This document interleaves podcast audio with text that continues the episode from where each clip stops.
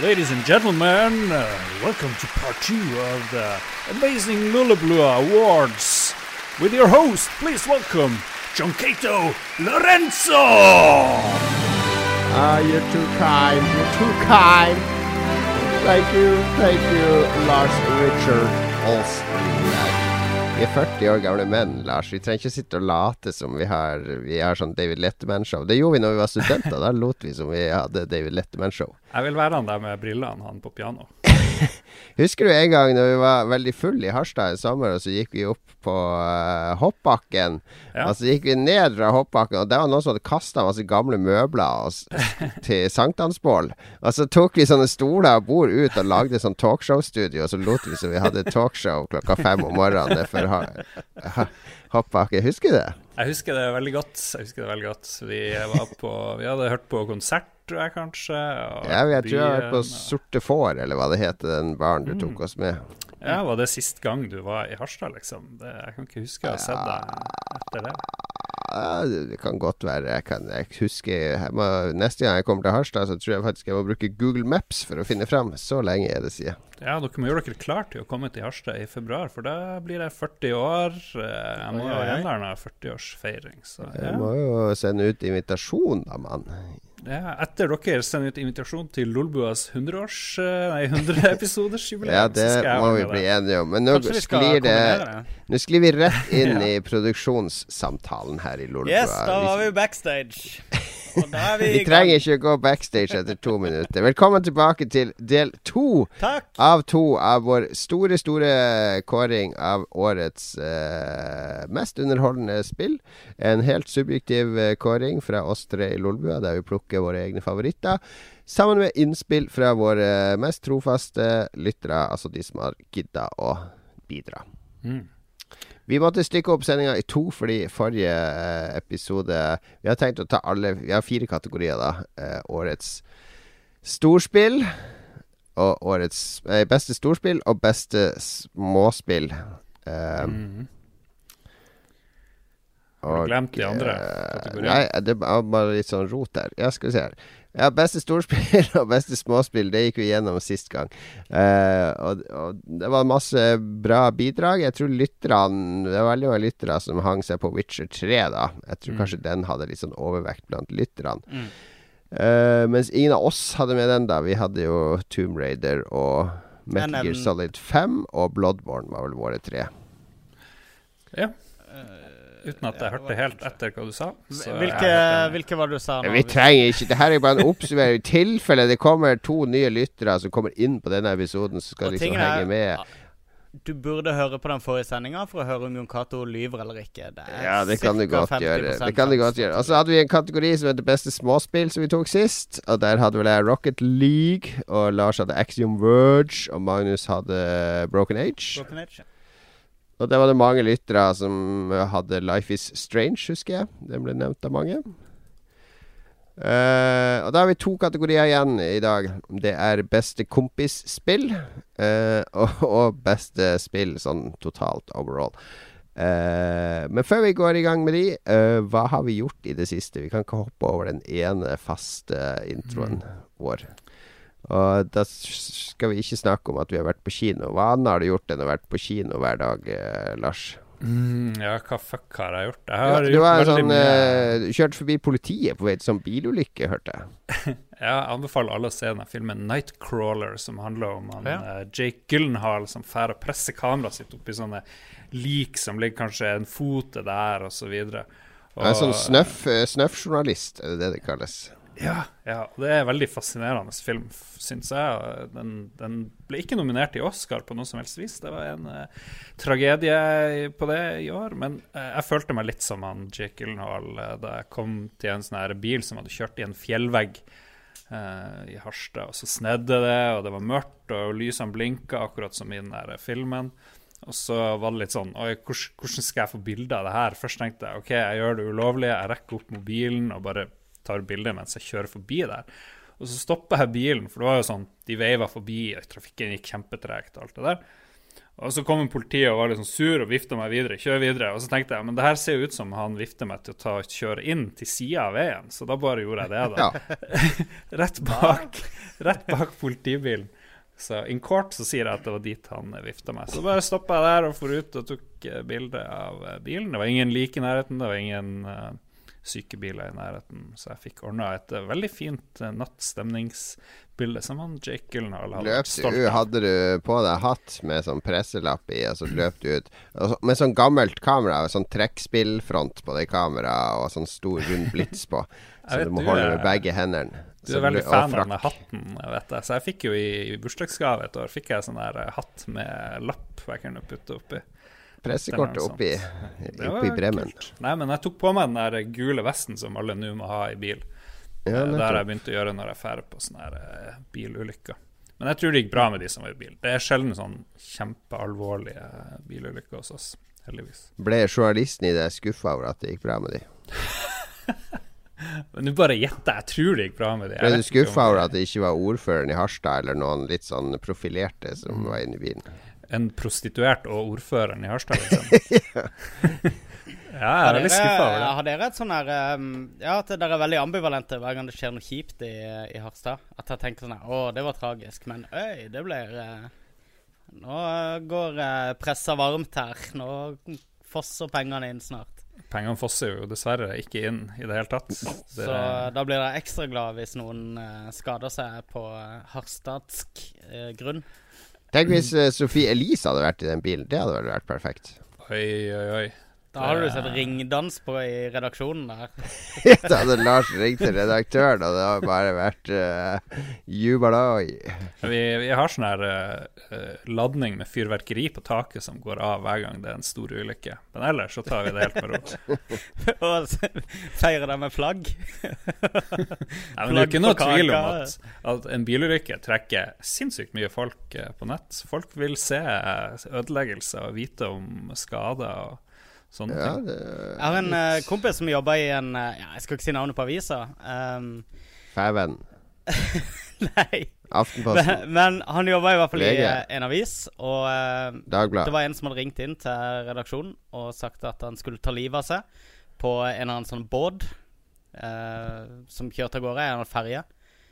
Og uh, dette var på den tida da det ennå var røykerom i sånne institusjoner som avislokaler. Og han satt da på røykerommet og observerte at uh, rommet var delt 50-50 mellom de som ville ringe politiet, og de som ville dra ut og dekke det. Så Det- eh, er det sånn som haster tidene, Lars? Det er akkurat som haster tidene.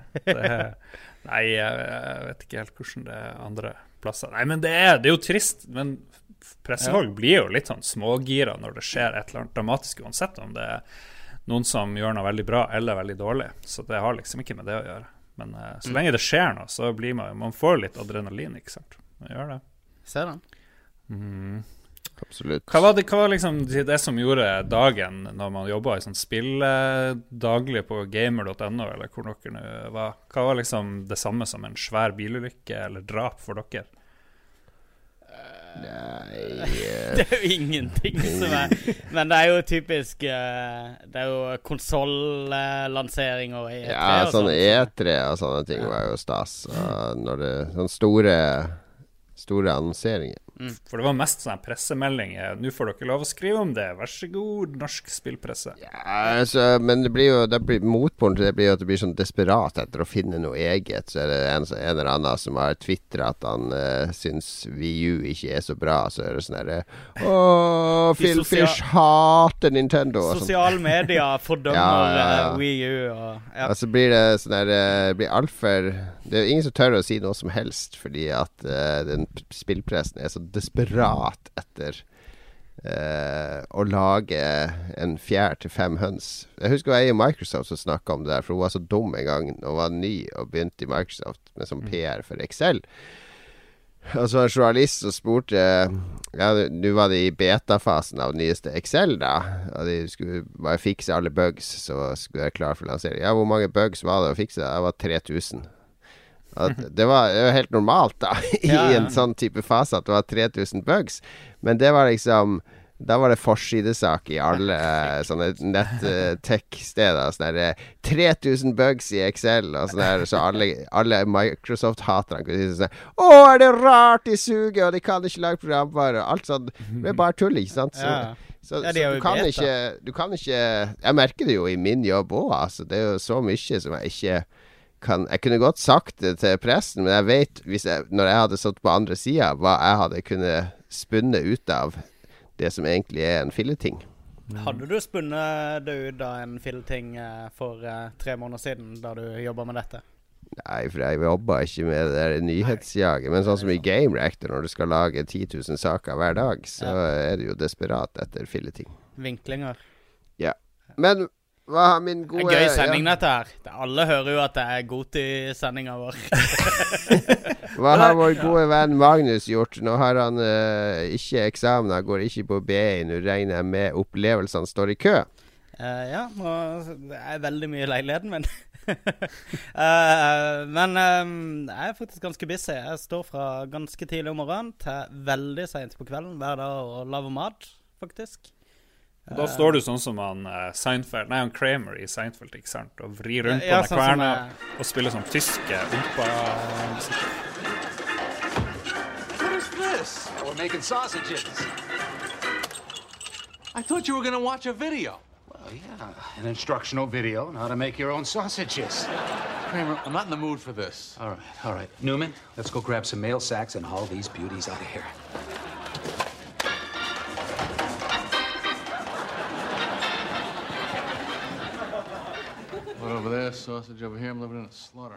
Ja, jeg, jeg hører på grindcore mens jeg lager, lager mat, men, eh, men eh, sentimentet er det samme, ja. Men um, jeg holder på med en eh, julegave til foreldrene mine, som er en stor samling med sånn sauser og forskjellige Spoiler alert. Ja, jeg regner ikke med at mamma di hører på dette. Jeg har dårlige foreldre. Du har venner som hører på det her, som kan, da kan si fra til foreldrene dine. Jeg vet hva dere er. Jeg vet hva dere, får til jul! Jeg holder ikke hemmelig for mine venner hva jeg har tenkt å gi foreldrene mine til jul. Gjør dere det?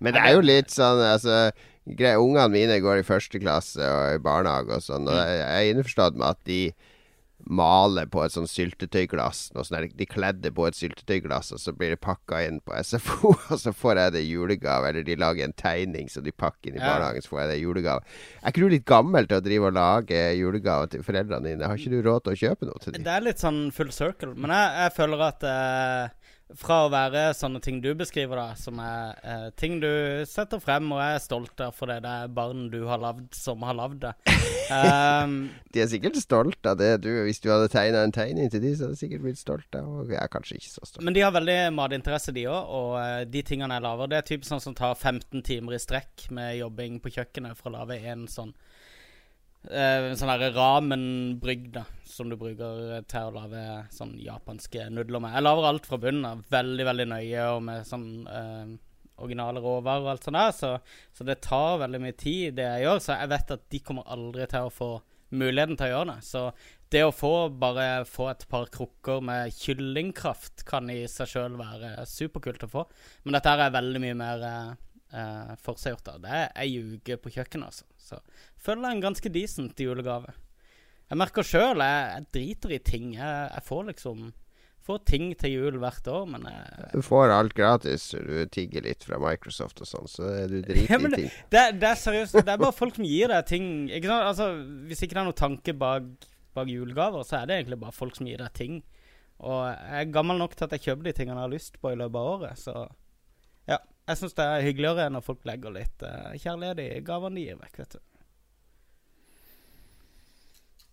Der var det helt stille i bua, for det at de har begge to spart i hele år. Ja, nei, jeg bare lurte på hva jeg skulle gjøre med den julegaven jeg hadde kjøpt til Magnus nå, når han tydeligvis ikke vil ha den. Men Ja, jeg får sånn se om noen andre har lyst på den. da den er, Det er Ja. sikkert flere som ville satt pris på den. Så det, men det, det er godt at du kommer med denne infoen før jeg kommer på døra di. Ja, Hvis ikke det var noe tanke bak gaven du hadde tenkt å gi meg det, så, Nei, det var det, Oftest når jeg gir julegaver til venner, så er tanken bak å gi dem dårlig samvittighet, for jeg vet at de ikke har kjøpt noe til meg.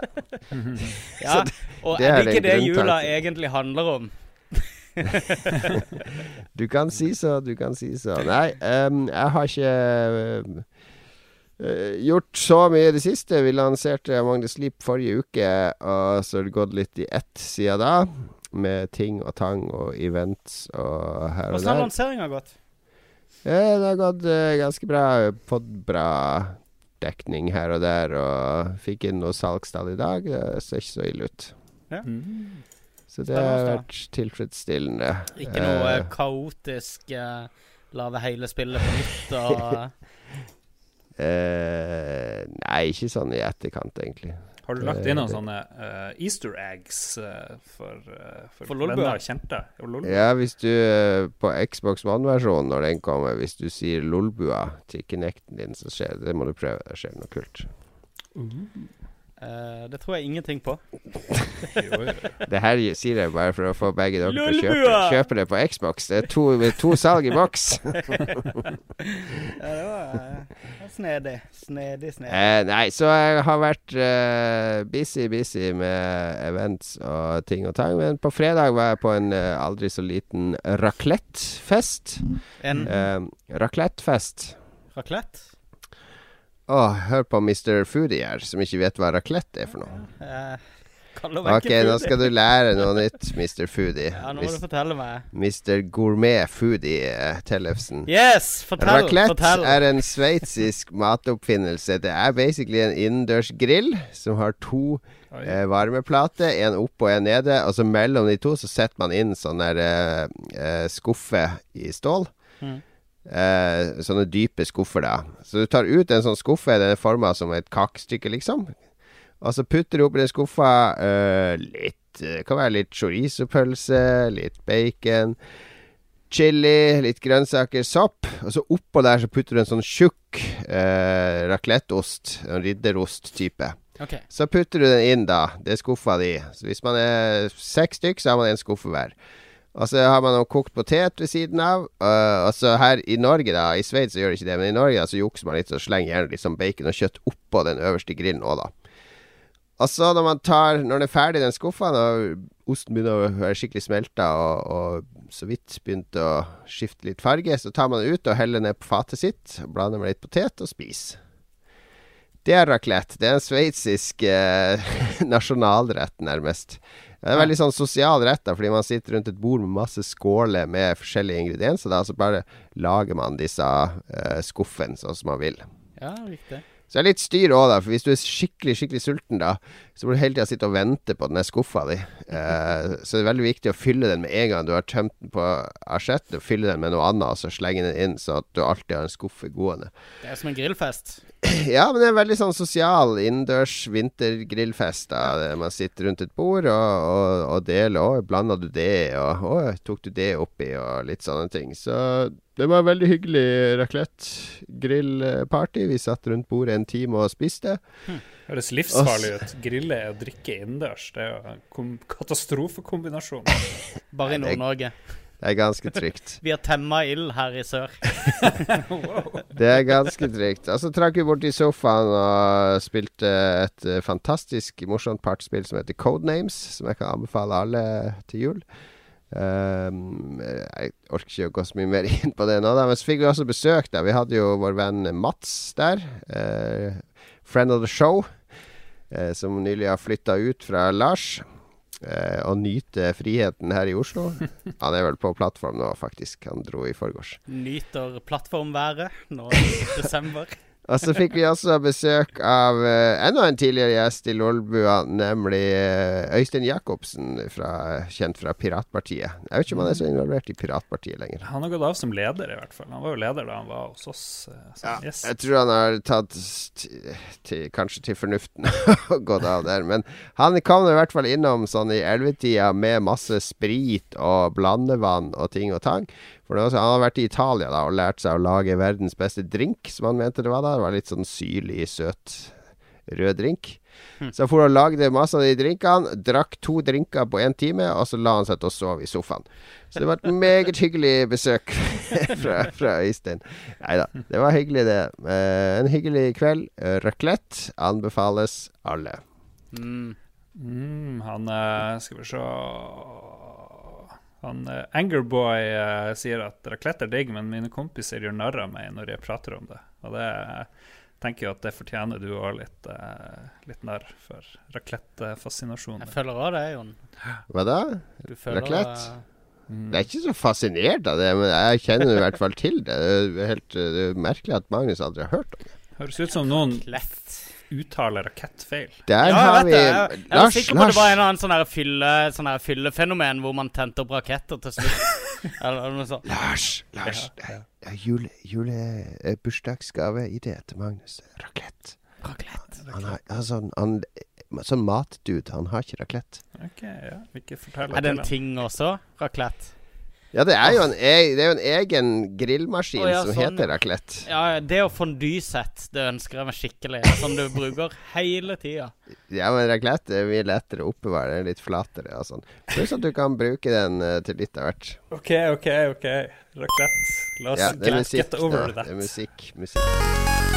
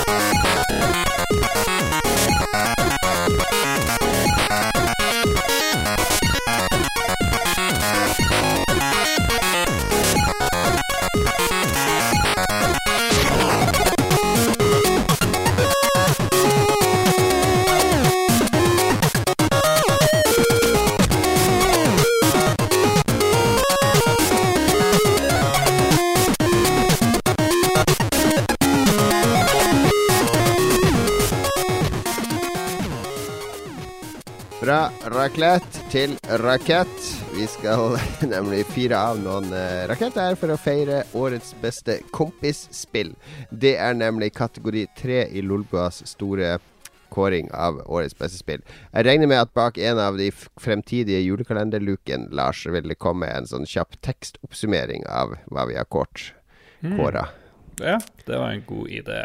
En kjempegod idé. Jeg må også si, Lars, at du har gjort en formidabel jobb med den julekalenderen. Jeg hadde veldig skeptisk til at den kom til å holde når du annonserte den, og jeg har kun bidratt på et par luker midt oppi lanseringsstress. Jeg får ikke bidratt nå i helga heller, fordi jeg skal på uh, topp hemmelig eh, smøretur med, med et, uh, Norges, et stort medie i Norge. Nei, jeg skal, jeg skal på hyttetur med, med Level Up-gjengen. Ah, ja, Så jeg, det, ja. jeg prioriterer mine ekte venner fremfor dette Lolbua-tullet. Skal de tjener diskutere åssen LOL-bua kan bli level up-bua, og meg og Lars kan Jeg, jeg hadde tenkt å kanskje ta, ta litt uh, opptak der oppe.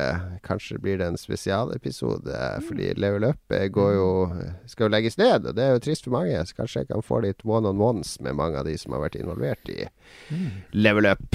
Jeg vet ikke om dere har Tenker hørt meg du er hypp på, ja.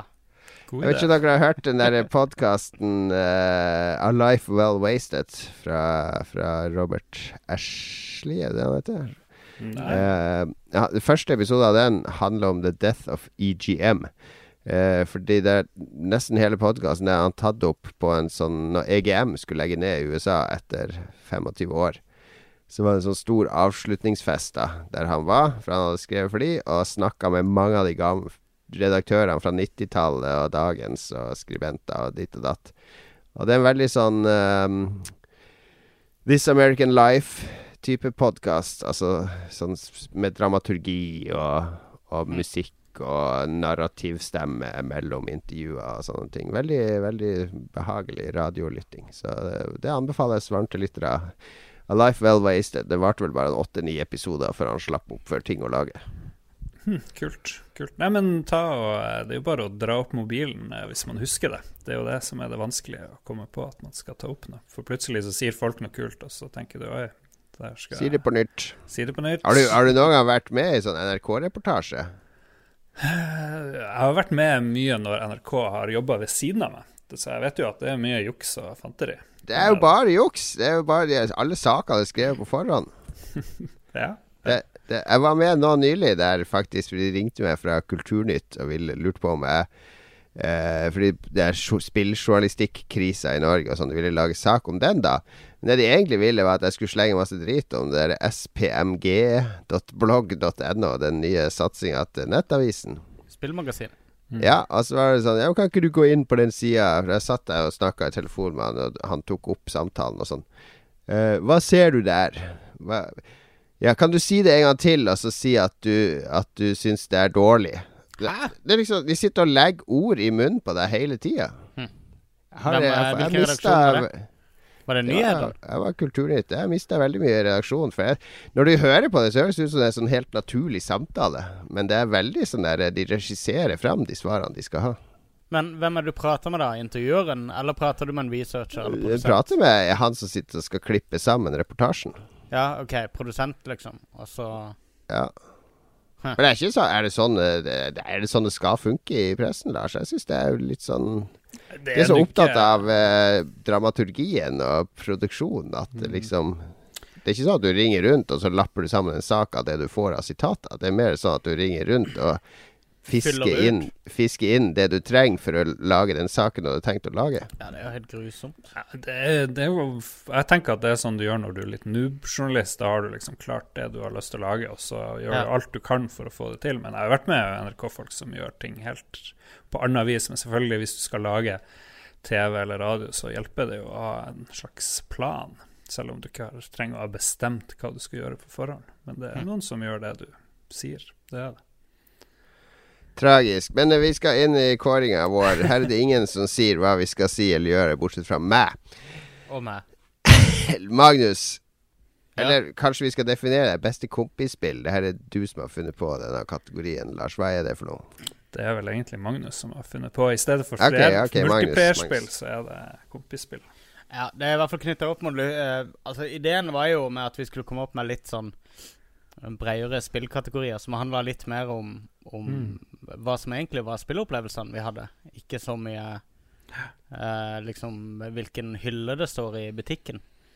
Uh, kompisspill, ja, det handler jo selvfølgelig om multiplayer, og, men veldig ofte så blir spilleopplevelser veldig forsterka av multiplayeropplevelsen. Altså hvis det er lagt godt til rette for å eh, interagere mye med kompisene sine og kødde mye med kompisene, så, så det, og du har gode kompiser å spille med, så hever det veldig kvaliteten på Ja. Og, og også når man kaller det kompisspill, så kan man jo ta med spill som kanskje ikke i utgangspunktet er multiplierspill, men som Nei, du kan- kult med sammen med andre. Det var det jeg tenkte på, at det er en fin måte å hente inn den opplevelsen der, da, for den, den blir jo glemt hvert år. Eh, jeg kan jo gå først, for det er at paradoksalt nok Gjør det. gjør det Kan, show by example, ikke sitt og forklare. det er problemet så- her. For det er paradoksalt paradoksalt sett så, så har 2015 vært et veldig lite eh, samarbeidsår for min del. Jeg har spilt veldig mye alene. Um, jeg vil trekke frem eh, Det har vi merka her i Lolbua òg. Du kjører, kjører, på- kjører sololøpet ditt her òg. Du er maser etter coop ca. to ganger i uka, føler jeg. Og, All right, all right. Yes. Um, men jeg hadde det overraskende kult med Dying Light, det zombiespillet, i uh, coop. Det er et spill som et, Det kom i år, gjorde det ikke det? Mm, Ja, ja, Light det. kom i år, ja. Ja. Spill vi eh, har eh, glemt å uh, eh, Å nevne, egentlig. Det er et uh, sinnssykt kult, veldig uh, Hva skal du si creepy og til tider dritskummelt uh, zombiespill. Nå, Um, ja, jo, jo. Mhm. Jo da, det er, det er vellaga. Det er det. Veldig. Og, men det tar jo veldig Det viser veldig eh, liksom um, Hva skal du si? eh, det er litt sånn Walking Dead-type verden. Der du har mulighet til å liksom eh, finne på ting litt i, i uh, spillverdenen der. Da. Og de har åpna opp for en coop-del, der du kan løpe rundt med jeg tror, to andre og finne på ting. Og da spiller en det litt som et sånn typisk survival-type spill. Overraskende kult, i hvert fall. Um, jeg har også tatt med Forsa Horizon 2, for det har jeg spilt uh, overraskende nok med kjæresten min i hele år. Men uh, hun um, Eller, men det kom vel strengt tatt ikke i år, selv om vi begynte å spille det i år. Hmm.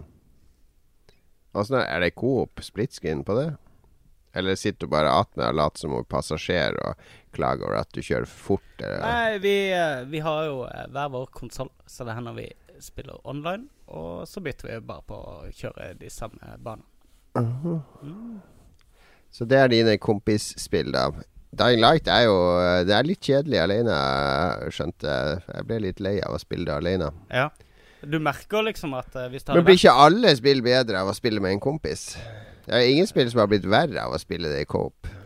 Men Noen spill som er veldig enten fokusert på lesing eller, eh, eller veldig tunge på story, eh, så er det lett å falle ut når du spiller sammen med kompiser. Vi snakka om dette når vi uh, snakka om Halo 5. Mm. At, eh, at ingen husker storyen når de spiller det i coop. For da sitter han bare og prater gjennom, eh, gjennom videosekvensene. Right. Det var meget interessant fra Magnus der med Dying Light Forza Horizon 2. Så jeg uten sarkasme. Nei, det er ikke sarkasmisk, det jeg mener. Det er, det er helt Det er basisinnstillinga. Det, eh, det, det høres bare ut som at, at Marius har, har spilt fem spill i år, og det her var de to som han kunne spille coop i. Hvis du Eh, skjønner hva jeg mener. Ja. Men Ja. tror du det er tilfellet? Nei, jeg tror du har, har- spilt mange Jeg har spill spilt i år. Ja. kanskje 20 coop-spill i år. Og det men- var de to beste? Det er de som har uh, Som jeg sitter igjen med med liksom en sånn god følelse når jeg skulle gå gjennom det jeg hadde spilt i år. Så liksom Yes. Der jeg hadde de gode uh, coop-opplevelsene, det var i de spillene. Ok, ja, Mm. greit. Lars? Yippee-doo. Jeg har spilt masse. Jeg har hatt uh, samboer og har folk inne hist og pist her eh, i Harstad. Og da har det vært veldig mye Helldivers, som er sånn eh, Man kan være fireplayer eh, samtidig med Friendly Fire på hele tida. Du sendes jo ned på en planet hvor du skal utrydde sånne f.eks. Starship Troopers-monster. Eller det er noen sånne robotfiender. Det er litt ulike fiendetyper. Men det er liksom uh, rogelike, det er nye brett hele tida, så er det ulike, ulike objectives. Det er liksom Du må hente en bag her og frakte den dit, og så er det noe bugs nest du må bombe, og så har du sinnssykt mye våpen. Og så For å få power-up så må du ta trykke høyre, venstre, opp, høyre, bak, eh, hit og dit. Så det er Det er jævlig vanskelig hvis det blir eh, press. Det blir sånn her helt krise, og du må vekke opp andre folk, og man dør veldig mye. Og det er sinnssykt gøy å sitte i lag i stua og holde på med. Så det er et, eh, et kompisspill av rang som jeg vil eh, anbefale til absolutt alle. Man kan spille det online over nett òg, men man kan liksom sitte i stua i lag da, hvis man har sjansen til det. Og det er jo den, den beste måten. Så blir man kanskje sur på andre, og, det, det, og siden det er ganske vanskelig, i hvert fall på de høyeste vanskelighetsgradene, så ser man fort hvem som er god, og hvem som ikke er god. Så da må du liksom uh, or organisere laget ditt etter det. Så, uh, og han tidligere nevnte Mats, han er jo god i alle spill, så han uh, ruler ganske mye der. Men vi ble ganske flinke etter hvert. Så vil jeg også Mm. nevne selvfølgelig Destiny, Taken King har blitt brukt uh, mye tid på.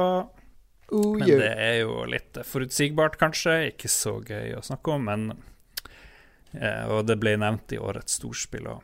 Eh, N er et fantastisk lite småspill. Eh, jeg spilte vel først N pluss på 360-en, og nå fikk jeg N pluss pluss på PS4. Du er sånne her ninjeaktige ninjaaktige karer i sånn 8-bits grafikkspill.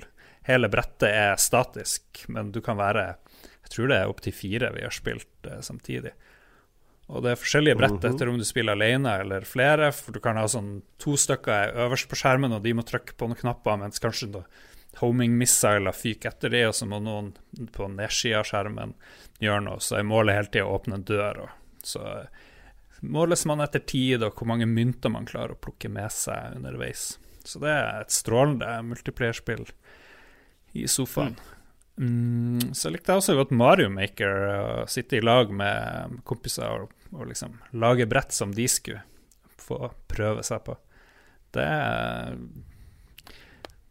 et spill jeg har spilt altfor lite, så jeg gleder meg. Jeg håper jeg kan spille litt med broderen i jula og sånt, f.eks. Men hvis jeg skal er, Ja. ja, hvis du skal kåre én av de Ja. Marius kårer vel strengt tatt ikke én.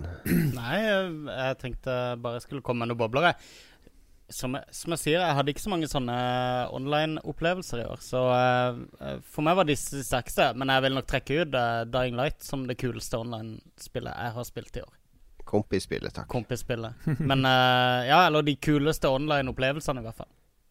Ja, det, er, det er ikke det kategorien, det er kompisspill. Nei, det er egentlig det, det er meg som har definert kategorien, så eh, det er heter jo beste kompisspill. Ja, det er det beste kompisspillet. du kan ikke, vi skal dele ut uh, eh, Best uh, male actor i Oscar. Så kan du ikke si jeg vil gjerne eh, si det et barn, en gutt, får den. Så det er jo Best child male actor. Så, nei, det heter ikke det. Det er Best male actor. Du kan ikke redefinere prisen når du skal Men dele den eh, ut. eh, da, jeg skulle, da jeg skulle forklare hva denne prisen betød, så sa jeg at eh, stort sett så kommer de store opplevelsene i uh, Coop, og det er sånne opplevelser vi alle, som aldri blir med i prisutdelingene. Så det, her er en mulighet for akkurat det. Så å nevne okay. spill hvor man har hatt de beste Coop-opplevelsene, de beste sosiale opplevelsene mens man har spilt. beste kompisspill. Ja, det, da inngår det i beste kompisspill. Så da er vi litt bra. tilbake på min ja, beskrivelse av Dying Light. Så de de som Dying hører på Light. podkasten, kan jo spole tilbake og bare spille det jeg sa en gang til. For de late, så kan jeg bare si det en gang til. Oh my det er var det spillet med den beste online- eh, online-opplevelsen i år. For en unødvendig eh, diskusjon. Men OK, kan jeg få kåre min? Nei, det er jo ikke det! Det er jo masse ekstra ord. Kan jeg kåre min favoritt? Er det, er det lov? Ja, du får Gjør kåre det. din beste online-opplevelse òg, da. Ja, så, vi, min, så vi har endra kategorien totalt.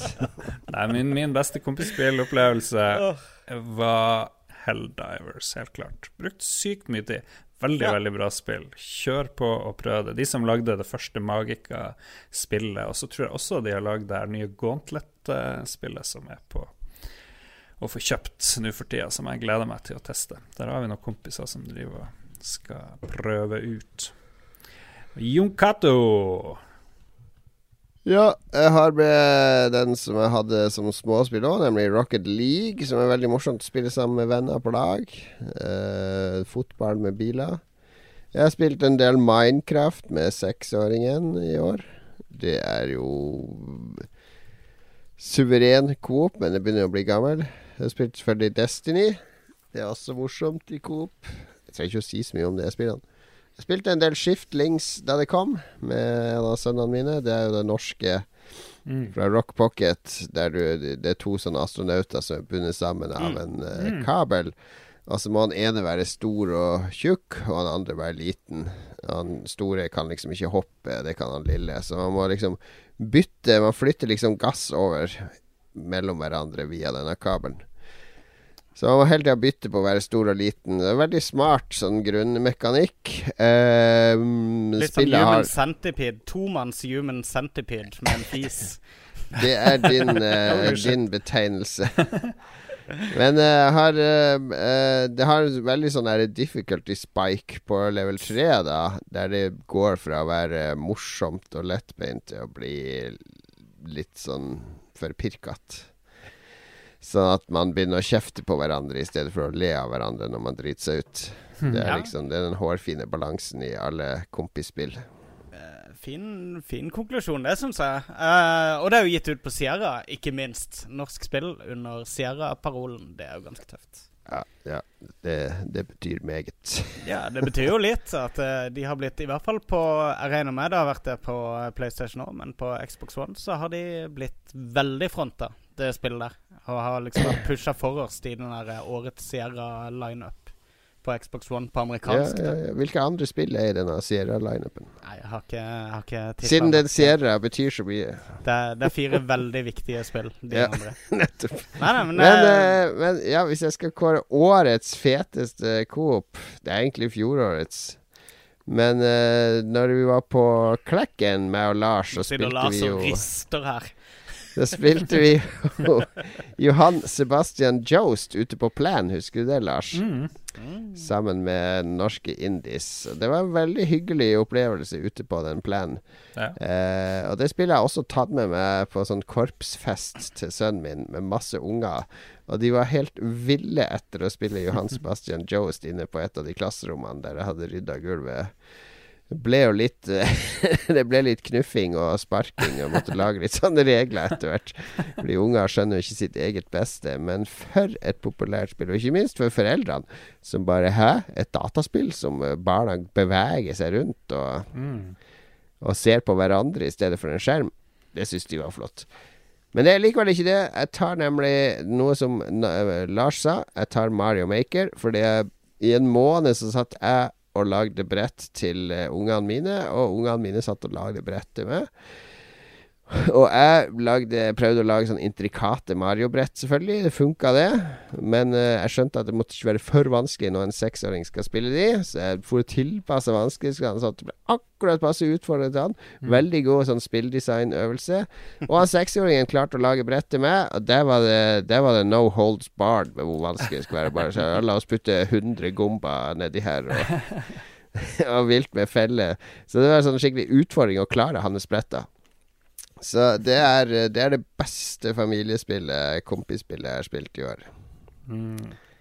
Absolutt. Det er, det er noe for deg og Kristine, det, Magnus. Ja. Lag, lag et brett til Kristine kan putte sånn hjerte i. Og Åh. Magnus og Kristine kan du skrive med mynter. Det er mye, mye artig du kan gjøre der. Kan fri, fri til kona si, Ja, vet du du, kan i Mario fri. Du kan fri. Ja. Herregud. Skyt meg hvis det skjer. Ja, jeg skal skyte det lenge før det skjer. Ja, det regner jeg med du gjør. Men uh, jo da, jeg, jeg ser absolutt den. Eh, og eh, Mario Maker er jo et sånt spill som har gått sin seiersgang på nett. Jeg ser mange Ja, det er spiller det på Twitch også. Det ble et sånn her fenomen der en stund. Ja. Jeg syns ikke det er så gøy online, fordi det er så, det er så mange som er sånn Å, vi må lage vanskeligst mulig i stedet for å lage best mulig. Og det, er, det er ikke noe gøy å spille vanskelig bare for at det skal være vanskelig, liksom.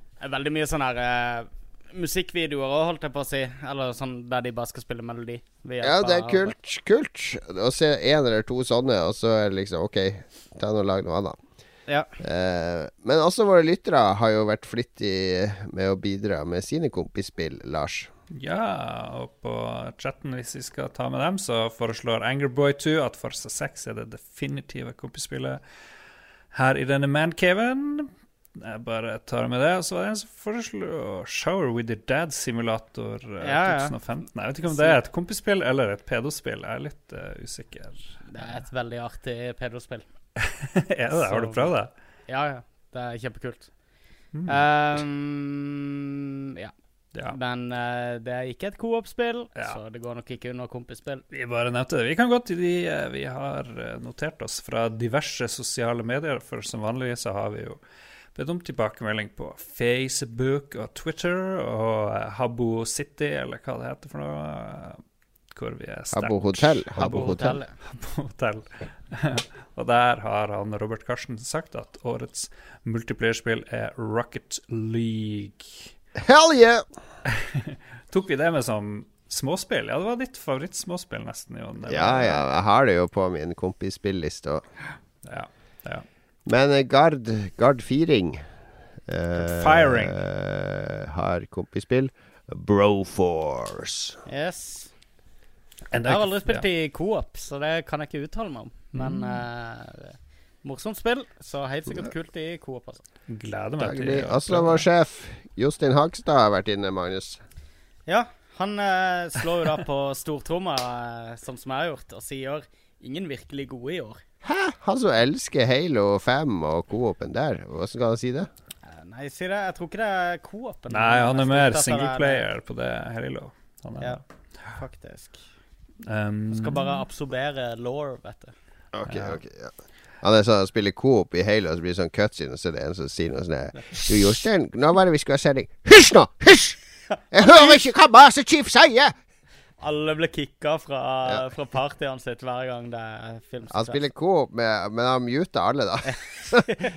Fordi ingen skal forstyrre storyen. Det, Yes. det tenker jeg.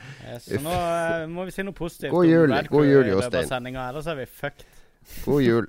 uh, god jul, Rad Crew. Ja. Geir Eh, Botnen eh, Eid eh, Yes. sier årets Han liker egentlig ikke kompisspill, for han blir jo hele tida aid. Ja, men gode God venner jul, god jul. Geir Botnen. God jul. Venner blir ikke eid av venner. Årets kompisspill, siden det eneste spillet jeg har Jeg har så lyst til å si spillet jeg har spilt med min kamerat, er Diablo 3 Reaper of Souls. Så da blir det Diablo 3 Reaper of Souls patch 2,3, som kom august i år. Mm. Uh, ja, jeg har spilt det masse med min bror, eller en god del med min bror. Reaper of Souls. Uh, online på Xbox, Ja. men han har uh, Det er kult, da. skutt ifra meg. Diablo 3 er så fuckings bra. Ja, det ikke så, var ikke så kult som Forza Horizon 2, da. Siden det ikke kom på lista di.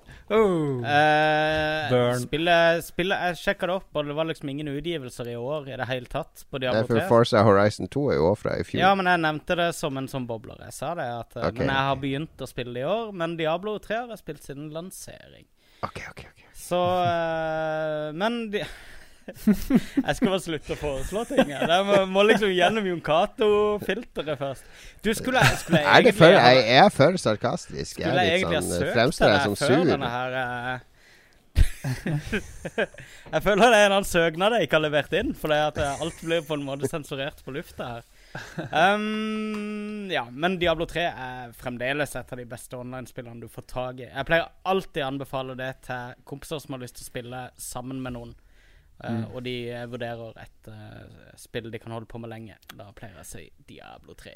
Men, men Ja. er det så bra gameplay etter at sånn, Når du er ferdig og har spilt gjennom spillet et par ganger, og så skal du Ja. gå i gang med de her Inferno og de her Jeg vet faen, de her portalene og Jeg har ikke liksom spilt ja. de siste utgavene.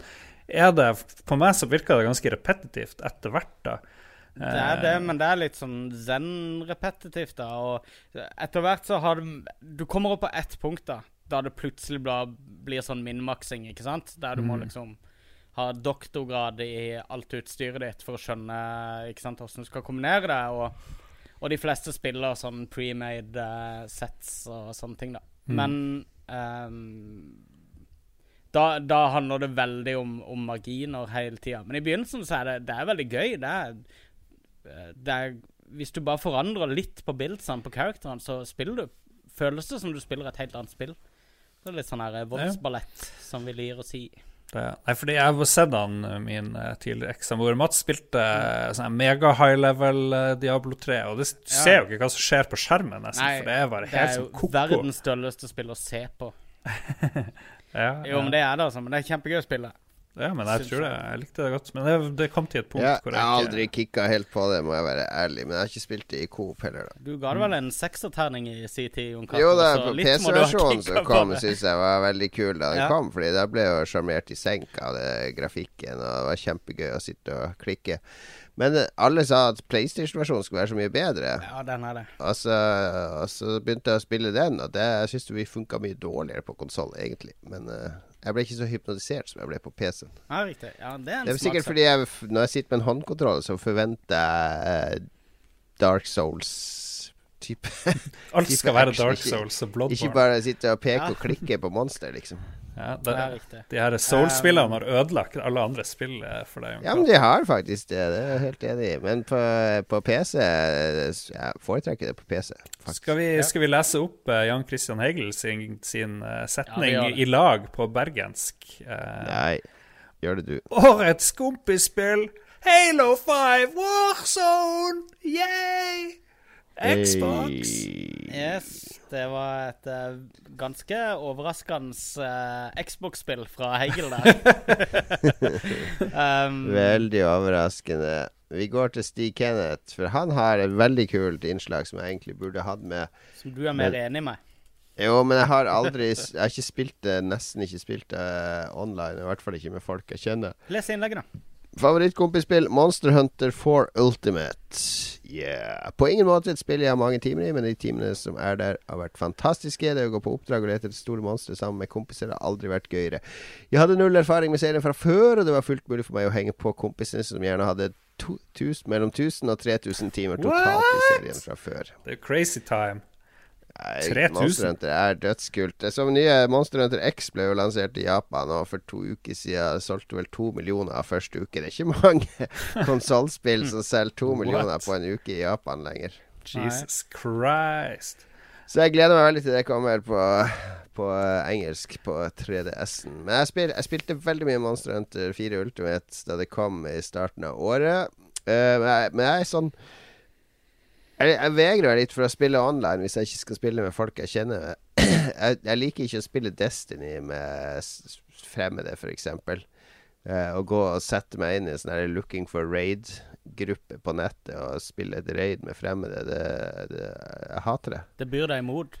Ja, det byr meg imot. Jeg kan spille st- strikes med fremmede de er? der det ikke er noe kommunikasjon og sånne ting. Ja. Og det samme litt sånn med Monster Hunter, fordi at eh, kanskje det er litt sånn at jeg er redd for å ikke Jeg er ikke så flink i Monster Hunter da, for jeg alltid har lært å spille alene. Da. Så kommer jeg inn, og så bare er jeg en total idiot. Det er litt sånn, det, det er den redselen.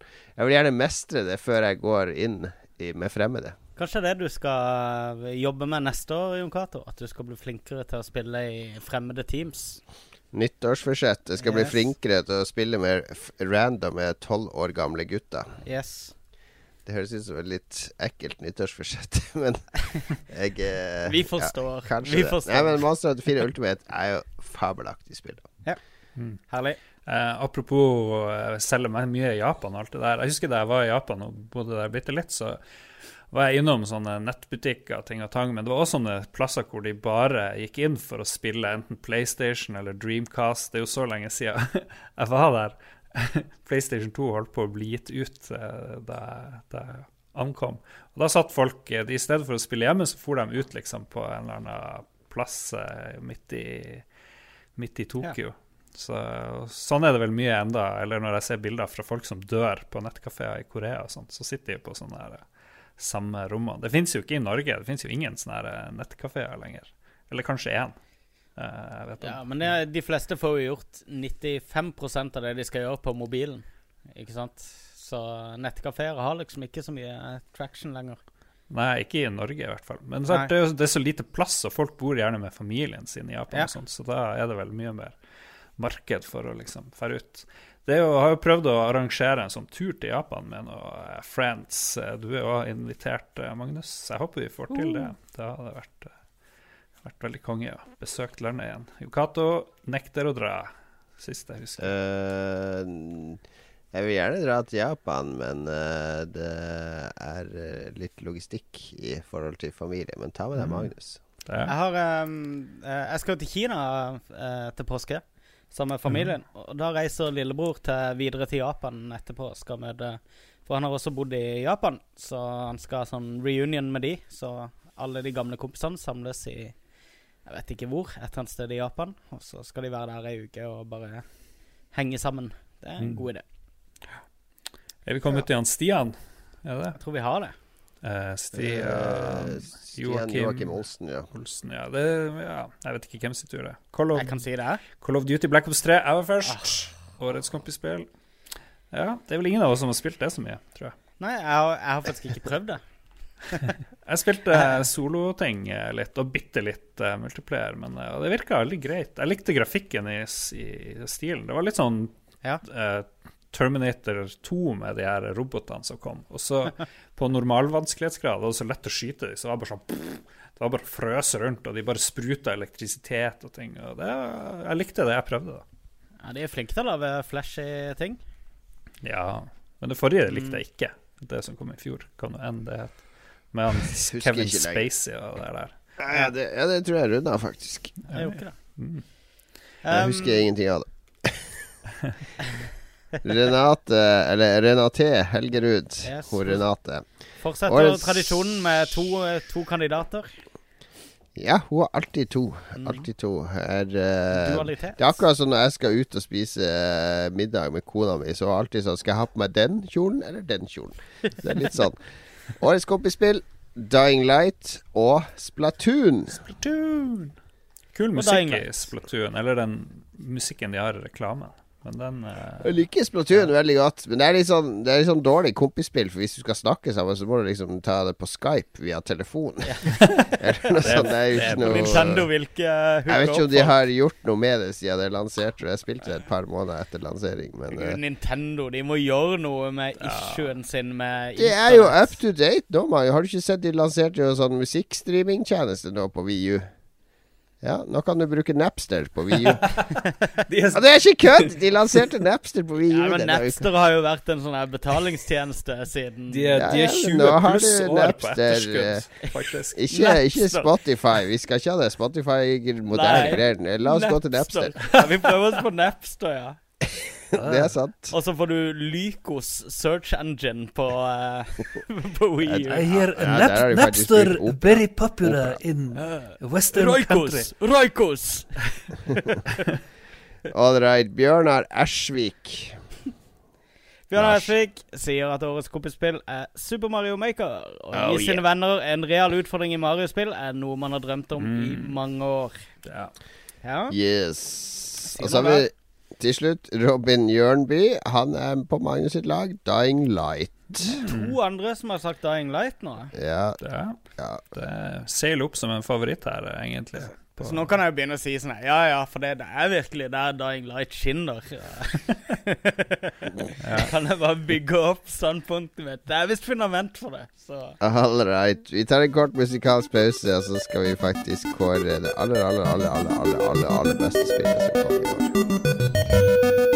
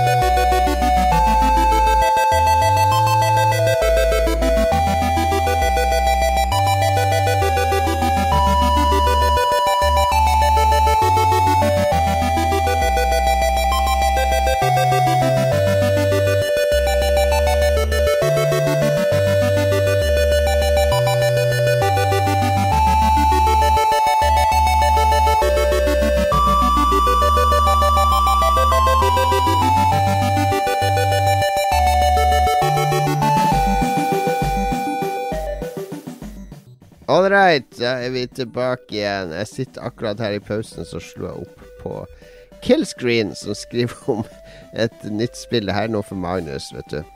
Det heter Kaffein. Det er et plattformspill der målet er å lage den perfekte kopp med kaffe. Du skal altså ut og source bønner og ingredienser til kaffen dine. Det er det ultimate hipster-barissa-spillet. Kaffein. A beautiful 3D platformer to celebrate our worship of coffee. Herlig. Det må jeg prøve. Det er uh, en liten avsporing. Vi er tilbake. Vi skal kåre årets beste spill. Det blir i hvert fall ikke kaffein. Jeg ser at verken jeg eller du, Jon, har skrevet ned her i sendeskjemaet hva som er årets beste spill. Betyr det Ja, at du kan ikke har dette er, uh, er vi enige, da. Bare Magnus allerede Da er vi enige om mitt forslag. Jeg syns det, det er en litt sånn fin avslutning òg, at alle stiller seg bak den samme tittelen. Og... Så det syns jeg var stort av dere kanskje. gutter. Ja, men Det er litt jeg- jeg spennende syns- for meg, da, føler jeg. For jeg vet ikke hva Jon sier, han vet ikke hva jeg sier. Men Magnus, du har liksom uh, Jeg har, uh, jeg har flasha alle kortene mine. mm. Skal vi begynne med Magnus, da? Siden han Ja. har det, da. Årets spill for min del er Du må si du må, Tomb Raider. ah, OK. Jeg skulle bare si at du skulle måtte beskrive det først, og så kunne Nei. folk liksom gjette. Nei. Det er Tomb Raider. Uh, rett og slett fordi at uh, en sånn type eventyrspill som Tomb Raider representerer, kommer uh, maks én gang i året og er alltid en høydere for meg. Samme gjelder når Uncharted-spillerne kommer de siste årene. Og fjorårets Tomb Raider kom, osv., osv. Jeg har en jeg, De treffer meg veldig nært. Sånn type puzzle, eventyr, eh, reise over hele verden, arkeolog-type Indiana Jones-greie. Som bare trykker på alle de riktige knappene hos meg. Så, og Tomb Raider er, som jeg sa i forrige sending òg, det er det beste Tomb Raider-spillet i serien, mener jeg, per i dag. Så eh, det er en uh, selvsagt god dy for min del. Mm. Fanfare. Mm. Fanfare. Da-da-da. Da har vi én stemme på Tomb Raider. Blir vi enige nå? Tror dere vi Nå skal vi Jeg, jeg vet ikke, jeg syns det jeg syns denne kategorien er så teit, da, fordi at den er liksom bare en reprise av det vi har Nå har Ja. Magnus sagt akkurat det samme han sa under beste storspill. Ja, men det var mer Fordi, og, ideen fordi om Fordi du kan jo heller ikke ta et av de andre spillene du hadde nominert sjøl på beste storspill. Jo. Fordi hvordan kan Kan du? år Du kan jo ha beste regissør og beste skuespiller fra en helt annen film enn hva som er beste film. Nei, det, det er noe helt annet, da. Du kan jo ikke si at be fjorårets beste spill var uh, Magnus kan ikke si at fjorårets beste spill var Mad Max, og fjorårets beste storspill var The, uh, Tomb Raider. Jo da. Det går ikke an å si. Begge er jo storspill. Det, politiet kommer jo ikke å arrestere deg hvis du Nei, sier det. Nei, de ja, for det første gjør de ikke det. For det andre så er det hva vi legger i det. Uh, årets Ja, spill jeg selvfølgelig Jeg syns det er en lite inspirerende kategori. Ja, der, for jeg er jeg sier enig i bare ok, Kunne det er du foreslått en annen kategori? Herregud. Men- Komme nå, to uker Ja. etterpå, og begynne å klage? Mens vi leser det opp. Jeg syns ikke vi skal bruke så mye tid på den, for vi har så utrolig mye lytterbrev på akkurat denne kategorien. Så jeg sier bare Bloodborne. eh, og hvis du vil ha en forklaring, så hør på podkasten forrige uke, der jeg snakka om Bloodborne på årets storspill. Ja, vi prøver bare å være underholdende én gang per tema, så da må nesten spole tilbake på forrige podkast hvis dere vil få meg der. Jeg liker når det blir småkjekling i bua. Du kan løse det enkelt neste Du så år ved å ha at det, det er ikke lov å ha samme vinner i to kategorier. Ja, det kunne vi hatt. Det kunne vi hatt. Men eh, kanskje, kanskje beste spill var litt tynt, men uh, Jo da, det vi skal ikke være for stolt over oss sjøl til å innrømme det. Men uh, Jon Cato kunne jo sagt det liksom for lenge siden. Akkurat. Ja, jeg kom kan godt fortelle hvorfor det er beste spill for meg. da Jeg kan fortelle det i den forstand med at det levde opp til alle forhåpningene mine og beyond. Eh, og det var bare en sånn Jeg satt med frysninger første halvtimen av spillet, for det, var, det skjedde så sykt mye kult der. Eh, Mm. det, ja, det, jeg ser på det som uh, det definitive høydepunktet, da hvis jeg skal tenke på høydepunkt i midten mitt spilliv 2015, så er Tomb Raider en sterk kandidat. Ja. Um, mitt Jeg sier det samme for Bloodborne. Frysninger og så videre. Trasse Nå er jo Cato Nå er det over lenge, leggetid for deg, vet du. Lenge. Jeg har sittet og drukket øl i flere timer. Har du ja, jeg drikker øl. Jeg har ikke drukket noe. Jeg, jeg drakk jo Ja, det er eh, derfor. Jeg fikk, jo, jeg fikk jo noen lenker til anonyme alkoholikere etter forrige episode. ja, Ja, da er det Jon Cato sin tur i dag. tydeligvis. Uh, nei, men hva er mitt storspill? Uh, jeg føler jo litt det samme som uh, Jon Cato sier, at det er litt uinspirerende kategori. Skal jeg liksom Skal jeg velge Hva var mitt beste storspill? Det var Metal Gear Solid 5. Så det er jo naturlig å kåre det, men det er jo kjedelig, så jeg kan ikke gjøre det. Må Men det var din kategori, Lars. Det er min Jeg vet, det her er fellesprosjekt. jeg, jeg sier årets beste storspill er Ja, det er Skal du endre, skal du endre på det du kåra i forrige Ja, jeg tenkte det. nå? Bare for å Nei, ikke årets beste storspill. Årets beste Se hva du har gjort. Jon Cato. Se hva du har gjort nå. Du venter helt til siste stund. Det er som å løpe opp på scenen i et sånt her eh, stort operastykke. Det blir ikke Jeg har skrevet om teksten! Jeg har skrevet om teksten! Ja, Det blir ikke et ordentlig juleselskap hvis det ikke avsluttes med en ordentlig familiekrangel. Yes. Og, eh, OK, OK.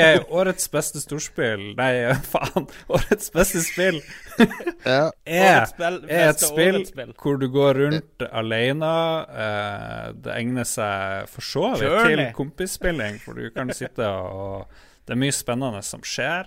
Å, nå skal han tease det. Det er Det her er sånn de gjør i Hollywood når de skal lese opp som begrunnelse, Ja. så, så folk begynner å gjette underveis. må Ok, dere begynne- alene Ja. kan litt kompisspill, det er mye som skjer. Også... Det, det passer jo ingen spill. Jeg begynner jo forsiktig. Og så når dere vet hva det er, så må dere begynne å klappe. Sånn er er reglene. Journey. Ja, Okay, ja. Ja, Marius vet hva det Det er. er Journey. Journey? Nei. Nei. Um, det, det er ikke uh, Metal Gear Solid 5, bare fordi det er kjedelig å velge det. Men uh, det handler om krig. Det handler om krig og konflikt. Og, og hva det er OK, nå må du klappe på nytt. Klapp. Ja, Monster Hunter 4. Ok, hva det er for noe, Magnus? Det er jo selvfølgelig Destiny. Nei, Nei. det var jo morsomt. det, Ja, du, eh, du eh, spiller gjerne alene, men du har veldig mange eh, venner med deg rundt omkring. Eller kanskje de ikke er venner og sånt. Så har du kanskje med deg en hund, muligens, når du går rundt Å, ja. omkring. Er det sant? Var det årets? Det, jeg har spilt det sykt mye. Jeg har bare Ja. spilt det de siste, de siste ukene siden det kom, liksom. Spilt altfor Var det mye. derfor du var motstander av å eh, kåre årets spill eh, basert på Fordi det alltid ble det man hadde spilt sist, rett før uh, kåringa? Nettopp. Jeg var jo mot at spill gitt ut etter november skulle få være med i denne kåringa. Så dette spillet du opprinnelig ikke ville hatt med i kåringa, til denne prisen som du har kommet opp med, Ja. men syns er dårlig Jeg Hva- Du, Magnus, nå tar du min rolle. Jeg kan ikke stole på meg sjøl, ikke sant? Eh, Fordi Nei, nei, jeg- minnene er altfor friske. Så egentlig Ja. så burde Jeg sikkert bruker mer tid på å bygge det opp, Jon Cato. Egentlig burde sikkert årets spill vært Bloodborne eller Metal Gear Solid 5, men nå er det altså Fallout 4. Et. Fantastisk All right. Så de tre store Lolbua-vinnerne av årets spill er da Tomb Raider på Xbox, Ja. Bloodborne på PlayStation og Fallout 4 på PC. Det er Sup Supreme på PC, da, så det må jo Jeg har ikke spilt det på PC. Nei, hysj da, hysj da. Lytterne vet ikke det. Spilte på Wii U. Mm. ja, Wii U. Hørte du at Minecraft nå også kom på Wii U?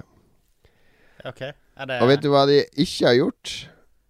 De har ikke putta inventoryen på Wii U-skjermen. Fordi eh, hvis du har spilt Minecraft, så har du jo inventoryen er jo sånn diger rutenett der du har sånn herre Ja. ti ganger ti ting, ikke sant? Hvorfor har de Så, ikke det? så når du spiller det på PC eller andre, så må du liksom trykke på en knapp, og så kommer det opp sånn firk inventory-skjerm, og så velger du ting inni der. Det, hadde, det mest naturlige tingen i verden hadde jo vært å ha det på VU-kontrollerskjermen, så du kan manipulere ting der, og så uten å Ja.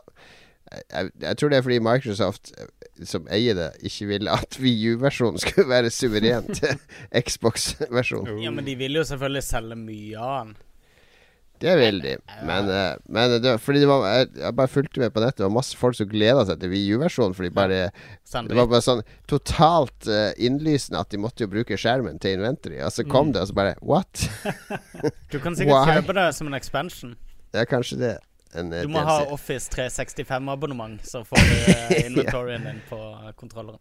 Kanskje, kanskje. Ja, men tre verdige vinnere, syns jeg. Det var bare storspill, da. Vi driter i småspillene når vi skal score de beste spillene. Vi er altså fortsatt blasert på disse blockbusterne og Mm. okay. Min var kanskje minst storspill, da, fordi det er bare sånn 20 mann som jobber i From Software, så jeg har liksom hele tida så har jeg lyst til å si Ori som årets spill. Eller sånn Det er i hvert fall en veldig uforglemmelig tittel. Jeg vet jeg, jeg stemte frem eh, Broken Age foran eh, Ori, men eh, det var et dødt løp der mellom de to. Jeg burde tatt med Orion... Axiom Verge i årets beste storspill-kategorien. Den glemte jeg. Ja. I storspill nå? Skulle du ha Axiom Nei, nå Verge bare i storspill?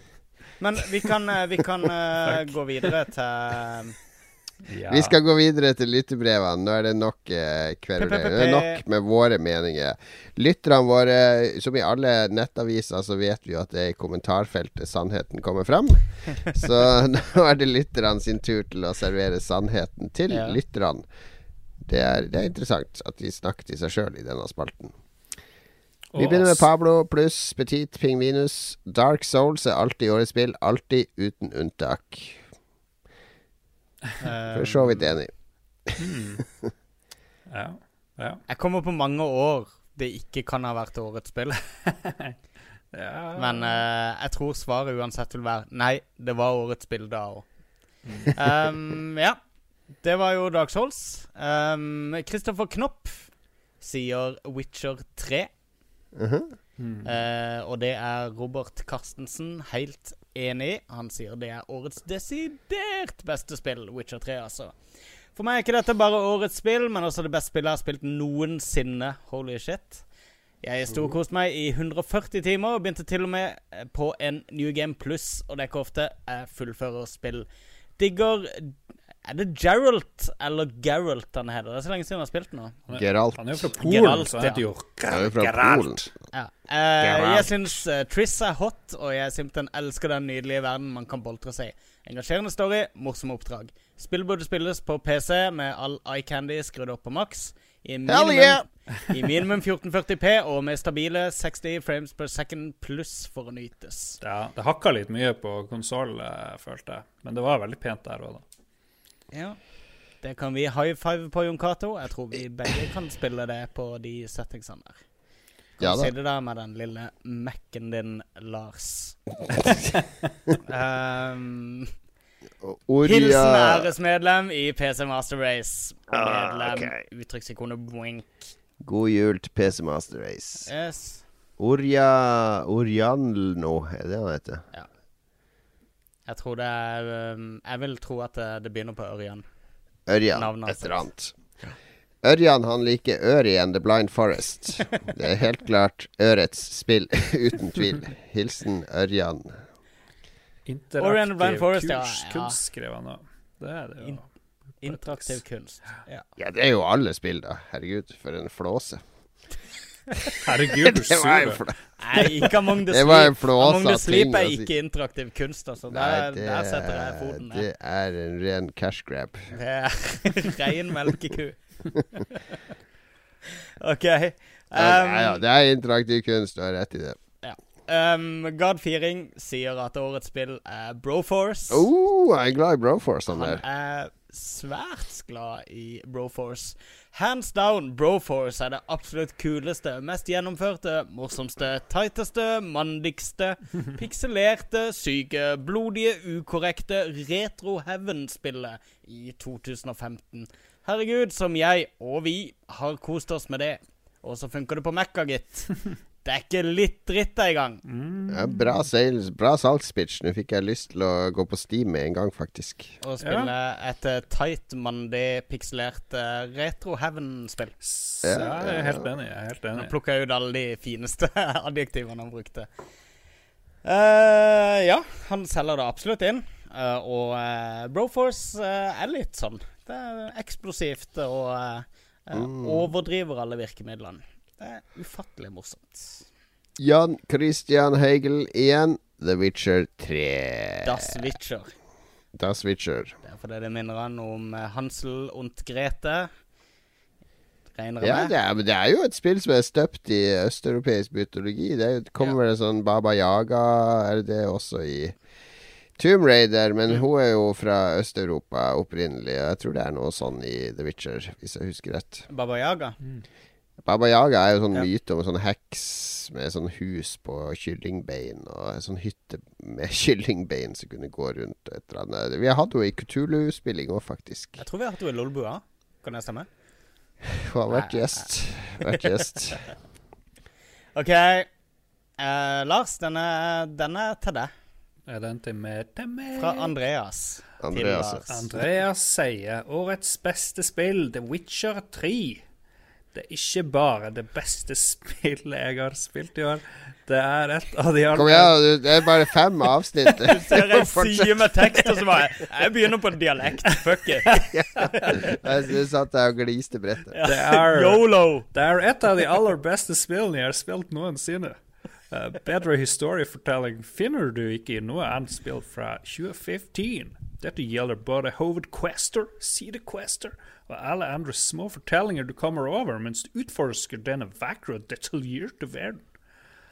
Dette spill fikk meg til å le. Dette spill fikk meg til å gråte og grine. Spillet er en haug med gode og minneverdige karakterer og posters, som alle har fascinerende historier å fortelle.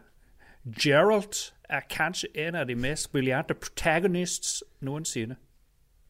Eva.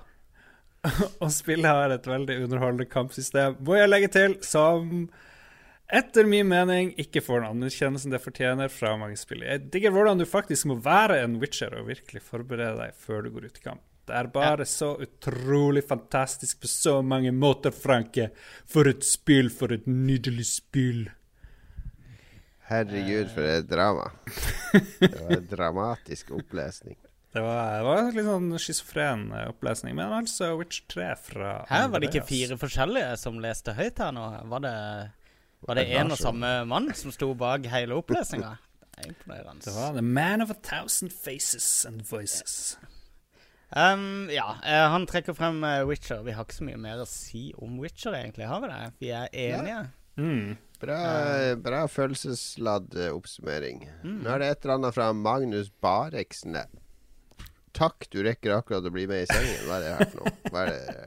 Vi har tydeligvis Lars Vi har limt eh, inn noe feil her, tydeligvis. Er noe Lars har klippa i whiskyfylla i den siste episode? Ja. Den må vi Beklager, Ja, som Magnus straff for det, Lars, så må du også ta eh, Magnus ES sitt innlegg. Holy Yes. fuck. Jeg må jo gå og researche hva Magnus Bareksen skal si. Noen andre kan sjekke. Jeg skal prøve å finne han eh, Magnus Bareksen. Jeg markerer det. Men jeg kan ta det. Magnus ES eh, sa for 17 timer siden. det tror jeg ikke er sant lenger. Eh, lista er basert på at jeg har to barn, eh, tre koner, fulltidsjobb, styreverv Nei da, han har bare ei kone. Og hus fra 1970. Og et engasjement med noen kjekke gamle gubber hvor vi lager YouTube-videoer. Jeg veit at dette ikke ble lansert i år, men det gir jeg en polert takk to stikk i og poster uansett. Uh, hans uh, førsteplass er, uh, som tidligere advart, ikke lansert i år. Det heter Titanfall. Ja vel. En original førsteplass, vil jeg si. Ja. Videre har han Halo 5, Mhm. eh, Broforce mm. og Gang Beasts. What? Jeg har aldri hørt om. Gang Beasts. Godt nyttår, homies, sier Magnus ES. Eh, godt nyttår tilbake, homie. Godt Um, nytt år, Magnus. Gang Beasts. Det høres ut som noe som de kjekke gamle gubbene har laga video. En videotittel. Det, det, hva, det er han fra Er det dritt, er det det? Yes. Ja, akkurat. Ja, det er tida. Så vi vet Gang at uh, dette er ikke dritt. Nei, det, det må sjekkes ut. Ble intrigued når jeg hører om spill jeg ikke har hørt om. Det var vittig at han nevnte Titanfall. Det var vel gratis Nei, det var, det var så å si gratis nettopp på Xbox Live sammen med Gold-abonnement. Så det var en del som plukka det opp igjen. Og eh, det blomstra opp litt med denne online-floraen en liten periode. da. Ja. Jeg, jeg var og besøkte det litt igjen. da jeg, jeg, Det var sykt mye som hadde skjedd siden sist. Nå er jo absolutt alt gratis av ekstramateriale og sånn òg. Så jeg måtte jo laste ned sikkert 15 gig før jeg kunne begynne. Men det er et dødsfett multiplayer-skytespill. ja, det var et veldig tight, kult spill Ja. eh, når jeg spilte det. Så dessverre så er det jo sånn at uh, Det er ja, der folka er. Folka flytter Det er en evig, evig folkebevegelse, eh, emigrasjon fra skytespill til skytespill. Så det er en vanskelig sjanger å dominere i lenge. Det er liksom en sånn veldig kul sånn her themepark der det ikke er noen gjester. Det er sånn. Jon Pon. Jeg fant han Magnus Bareksen, forresten. Ja, Jeg ble så glad. Beklager. Han sa Bloodborne, eh, årets eh, spill. Og så fikk Og da var det verdt det. Ja, og så fikk vi noen andre eh, nykommere eh, der. Eh, han eh, Jan Ein, Jon Einar, forresten, eh, som sier at 'Pillars of Eternity' ja. Combaten ble litt kjedelig mot slutten. Ellers er et herlig spill på alle måter. En spill jeg spilte igjennom i år, sier han. Skal du Det er imponerende. Det er et sånt spill eh, jeg bare har spilt litt, og det er et sånt spill du spiller i 50 timer og fremdeles føler at du bare skraper i overflaten av det. Det er ganske omfattende greier. ja, det er veldig bra spill. Ja, dødskult. Men vi trenger ikke flere, Lars. Vi har tre av fire sider igjen, og så skal vi spille inn en podkast til. Philip med F vil nominere Final Fantasy 7 remake-traileren som årets spill. Ja, Det vi har vi en med. Joke med Philip uh, på uh, quizen med at vi stort sett inkluderer et Final Fantasy 7-relatert spørsmål til han. Eh, hver eneste quiz, faktisk. Så er det et uh, spørsmål som vi, vi har vel gått litt vekk fra bare Final Fantasy 7 nå etter hvert, etter noen år, så det ble vel Final Fantasy-serien til slutt. Så det er nok derfor. Mm. Han kan enormt mye om Final Fantasy. Ja, jeg anbefaler Kan folk det- å gå på uh, hjemmesida vår og finne 'Hjelp å score årets spill'-saken, for der er det 27 kommentarer. Det kommer kommet en del uh, siden vi spilte inn denne episoden i forrige uke. Så det er mye fin debatt folk kan henge seg med. Det er bra. Vi går videre gjennom lista vår her. Jon Pon Årets beste spill er Dirt Rally. Det kom vel nettopp. Eller ganske nylig. Ja, Codemasters-ting. Uh, Ja, men Jeg har fått veldig bra kritikk. Det Så det, Men det skulle være dritvanskelig, sånn veldig realistisk og tjo og hei. ja, men det er bare kult. Vår sjef Jostein Hakestad, årets beste spill, Bloodborne. Ja, det var hyggelig, Jostein. Hey. han sa jo selvfølgelig Rise of the Tomb Raider. Han og Magnus er jo bestevenner i Facebook-chatten til, til Lolbu. Men vi er stort sett ikke enige på spillfronten. Det Å vel- jo da. Å jo da. Da vet vi det. Som to, eh, som to kjærester så krangler dere litt om dere skal ha lasagne eller pizza, og så er begge fornøyd når det tar et valg til slutt. Mens Jon Cato er den creepy stalkeren som står litt unna, og er enig med Jostein i alle hans sine spill. Og eh, Han er sjefen, så jeg er selvfølgelig enig med han. Ja, riktig. riktig. Superlaks, Lars. Ja, jeg bare scrolla ned og så hvor sykt mye tilbakemeldinger det var. Holy fuck. Neida, Eh, Superlaks Ja, men vi er glad for det. Det er jo konge. Superlaks, Fallout 4, svakt og svakt fundert ambivalens, sier han faktisk. Eh, det er syv år siden Fallout 3 ble gitt ut. Man kan muligens argumentere med at det er for lenge å ruge på en franchise. Ja, men da gleder man seg jo riktignok mer eh, på det. Og så sier han at Obsidian var elskverdige nok til å servere Fallout New Vegas i 2010, men det er jo da snart seks år siden. Som også er lang tid å vente på. Hadde egentlig bestemt meg for å Oi, shit, nå ble jeg, ble jeg sovna av her.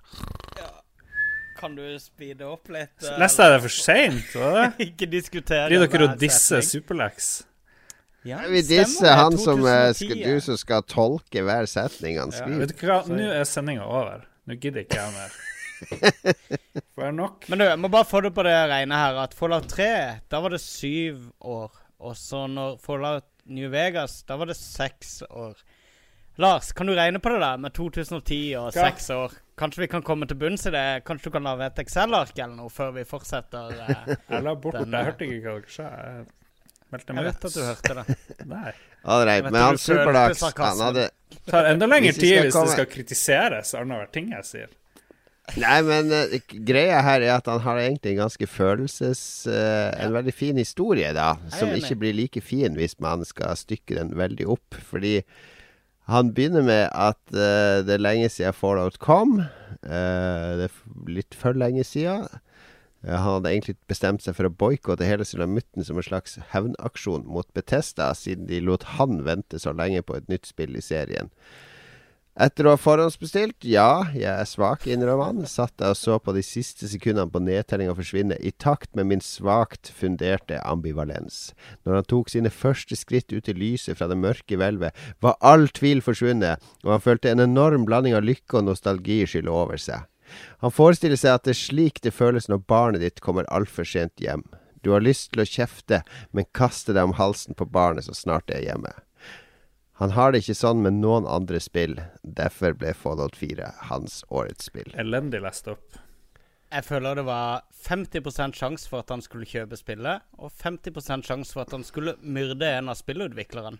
det, det var den vibben jeg fikk av det brevet der. Ja, nei, det var bra lest opp. Litt Sånn massemorder i det. Lite grann massemorder, Ja. men, eh, men veldig, veldig fint skrevet. Uh, Geir Botnen Eid. Han blir aldri lei av å være eid. Oh my God. Eh, årets beste spill delt mellom Life Is Strange og The Witcher 3. Mm. Mm. Mm. Mm. Um, Tør ikke si noe. Life Is Strange har vi ikke snakka så mye om, har vi det? Vi hadde det vel så vidt oppe på småspill. Um, Jo da, vi har nevnt det. For så vidt. Vi det. Interessant. Interessant innspill, det. Absolutt. Jeg vet ikke om Life is Strange er liksom et sånt spill som Det når ganske høyt opp, men jeg føler ikke det liksom er noe at det vinner i noen kategori, for min del. Ok, Nå skal jeg redeeme meg sjøl med han Stig Kenneth Limeserne her. Nå er det faen meg. Nå har jeg lært av han Jon hvordan man gjør Ja, det. ja. Det er bra. Det er bra. Først og fremst, 2015 har ikke vært mitt favorittår på noen måte. Ja, vi har fått Fallout, Fi- Fallout og Metal Gear Solid, Tomb Raider og The Witcher, men ingen av her spillene klikka helt for meg, til tross for min forkjærlighet til bl.a. Metal Gear Solid-serien. spiller nå Just Cause 3, som jeg trodde skulle bli det store, store. Men det har altfor store ytelsesproblemer på PS4. Min absolutte favorittserie Zelda ble representert med hele to spill i år, begge til 3DS. Men jeg har ikke fullført noen av de. Mange av spillene jeg gleder meg til, blir også utsatt til 2016. Mange. Men la oss prøve å tenke litt positivt, sier Stig Kenneth Limesand. Favorittspill? Heroes of the Storm. Spillet jeg har brukt mest tid på i år. For første gang både eksklusivt til PC, Free to Play og Moba. Ja. Hadde noen fortalt meg det her før Heroes of the Storm kom, ville jeg aldri trodd det. Utrolig gøy å spille med kompiser. Veldig intenst, det lett å forstå, vanskelig å mestre. Herlig hvordan det henter kjente figurer fra Warcraft og Diablo Law. Hatt mye gøy med HOTS så langt, og regner med det fortsetter også neste år.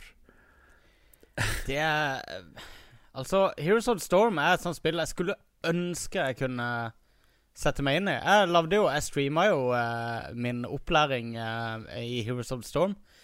Streama jo i sommer. Det gikk jo grusomt dårlig, men jeg var da sammen med Philip Meff, uh, nevnte Final Fantasy-spesialisten, som også er en semiproff, vi kaller han det. Streamer av Heroes of the Storm. Um, Ekstremt flink spiller, i hvert fall. Og det var utrolig gøy å, eh, og lære veldig mye sammen med han. Men uh, det er et sånt spill der du, du må liksom holde deg busy. da Du kan ikke bare spille det noen få ganger, og så går det noen måneder, så da er du helt rusten igjen når du kommer tilbake til det. Så um, Men det er et sånt spill du bare Akkurat som Heartstone, du må bare hoppe i, og så må du tape og bli ydmyka og sitte og rødme for deg sjøl der og ha full panikk og svette noen liter. Så tror jeg, så tror jeg det løsner uh, for de fleste i det spillet. Mm. Og eh, Blizzard har vært helt ville på oppdateringer til det i løpet av året nå. De er utrolig flinke på denne free to play-tittelen, syns jeg. Bra. Jeg er tilbake. Yeah! Det var en kabel som hadde falt ut der nede. Ja, da hiver du deg i gang på Stian Joakim Olsen, Jon Cato. Ja, skal vi se Jeg skal stykke den litt opp. Årets beste spill. Ja, det er jo Det er slutten av året, så det Det var vel det vi kom frem til, årets beste spill. Men du, okay, hva var det vi egentlig syntes? han sier Nå har vi slutt å tulle her. Nå har vi slutt på å tulle her. Nå må vi fokusere. Årets beste spill. Eh, tankestrek, er det det det heter? Ja. Sitatstrek, heter det. Nei, er det ikke tankestrek? Hva er det du kaller er det i avisen, ja. eh, Lars? Tankestrek er sånn lang. Ja, den her er ganske lang. Jeg har ingen Ja, dårlig samvittighet nå for å dra denne sendinga ut i flere timer. Ok, årets beste spill ifølge Stian, Stian Joakim Olsen er Life is Strange. Strange. Du kan jo òg ta han Vegard Megaman Mudenia, siden du er Ja. on road. Ja, Jeg kan ta han. 2015 er et meget bra spiller. Om man skal følge hjertet, så burde Bloodborne være mitt favorittspill. Sånn. Ok, jeg skal lese resten. Fantastisk arkitektur som bare Miyazaki kan skape. Dyster, subtil musikk som skaper en fantastisk stemning. Fantastiske bosskamper, og ikke minst eh, av og til ufint vanskelig. Men platinum ble det. Uttrykksikonet Grin. Årets storspill for meg. Skal man gå ut fra antall timer, så blir det garantert The Taken King. En herlig oppdatering som rett og slett blir en plage for min bedre halvdel her hjemme. Siden det ble så mange timer om gangen. Jeg elsket det. Dama hatet det. Uttrykksikonet Tang. Øh, Årets kompisspill, men kanskje noe uventet, så kommer det et spill jeg ikke har prøvd ennå, nemlig The Binding of Isaac Afterbirth. Hadde det vært på PS4, så hadde jeg spilt det hele tiden. I Rebirth la jeg inn over 1000 timer, og ville garantert lagd inn kanskje like mange. Over 100 nye items, mange nye transforms. Bli en katt, bli mom, Lord of the Flies osv. Greed mode, daily challenge. Plat... Ja, det skal nok stå Platinuma Rebirth. Platinum Rebirth som skal ha på Afterbirth også. Jeg elsker spillene til Edmund McMillan. Number one, The Binding of Isaac Afterbirth. Uttrykksikonet. Gleder meg til spillåret 2016 som en unge.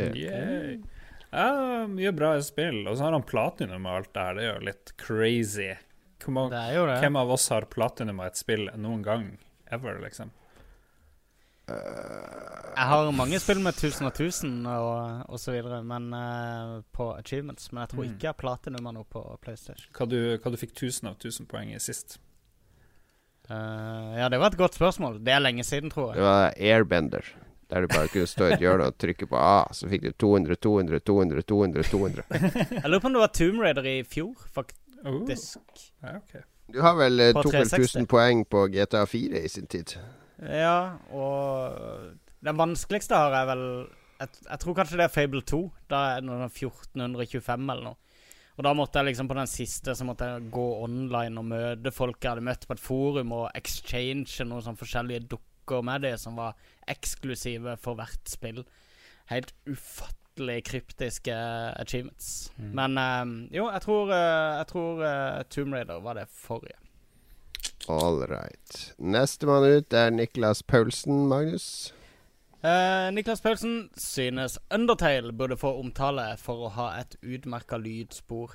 Litt rart at ikke vi snakker om musikk i det hele tatt i uh, spillsammenheng. Uh, I hvert fall uh, med dere to tryner, som er veldig opptatt av spillmusikk. Vi har nå snakka om spillmusikk i nesten hver episode, spør du meg. Men at ikke vi på en måte utmerker det nå i denne oppsummeringa, Mm. Ja. burde vi ha tenkt på. ja, jeg er enig. Ja, Jeg syns det er litt vanskelig, eh, akkurat det. Men eh, ja, jo. Mhm. Det, det er et poeng. Men Undertale, eh, morsom greie der er jo at min sønn på 14 Han spiller gjennom det for andre gang nå, da, for han skal ha den alternative slutten. Så det har falt i smak, også i den generasjonen. Mm. Vår quizvenn Stein Pedersen, Magnus. Hallois, Stein. Ikke overraskende, sier Stein. Bloodborne! Finnes, finnes det noe bedre enn mestringsfølelsen du får i disse spillene? Svarer jeg ja. Etter timer med hysterisk frustrasjon tar flyten over, og du føler det som en kombinasjon av Usain Bolt og Musashi Miyamoto. Etter å ha invitert, invitert Etter å ha investert over 500 timer i Soul-spillene klarer jeg nesten ikke spille noe annet. Alt går i sakte film, og det er ingen spenning. Jeg trykker pause før jeg sovner, og kommer aldri tilbake. Nettopp. Ja, Nettopp, Stein. The games to end all games, med andre ord.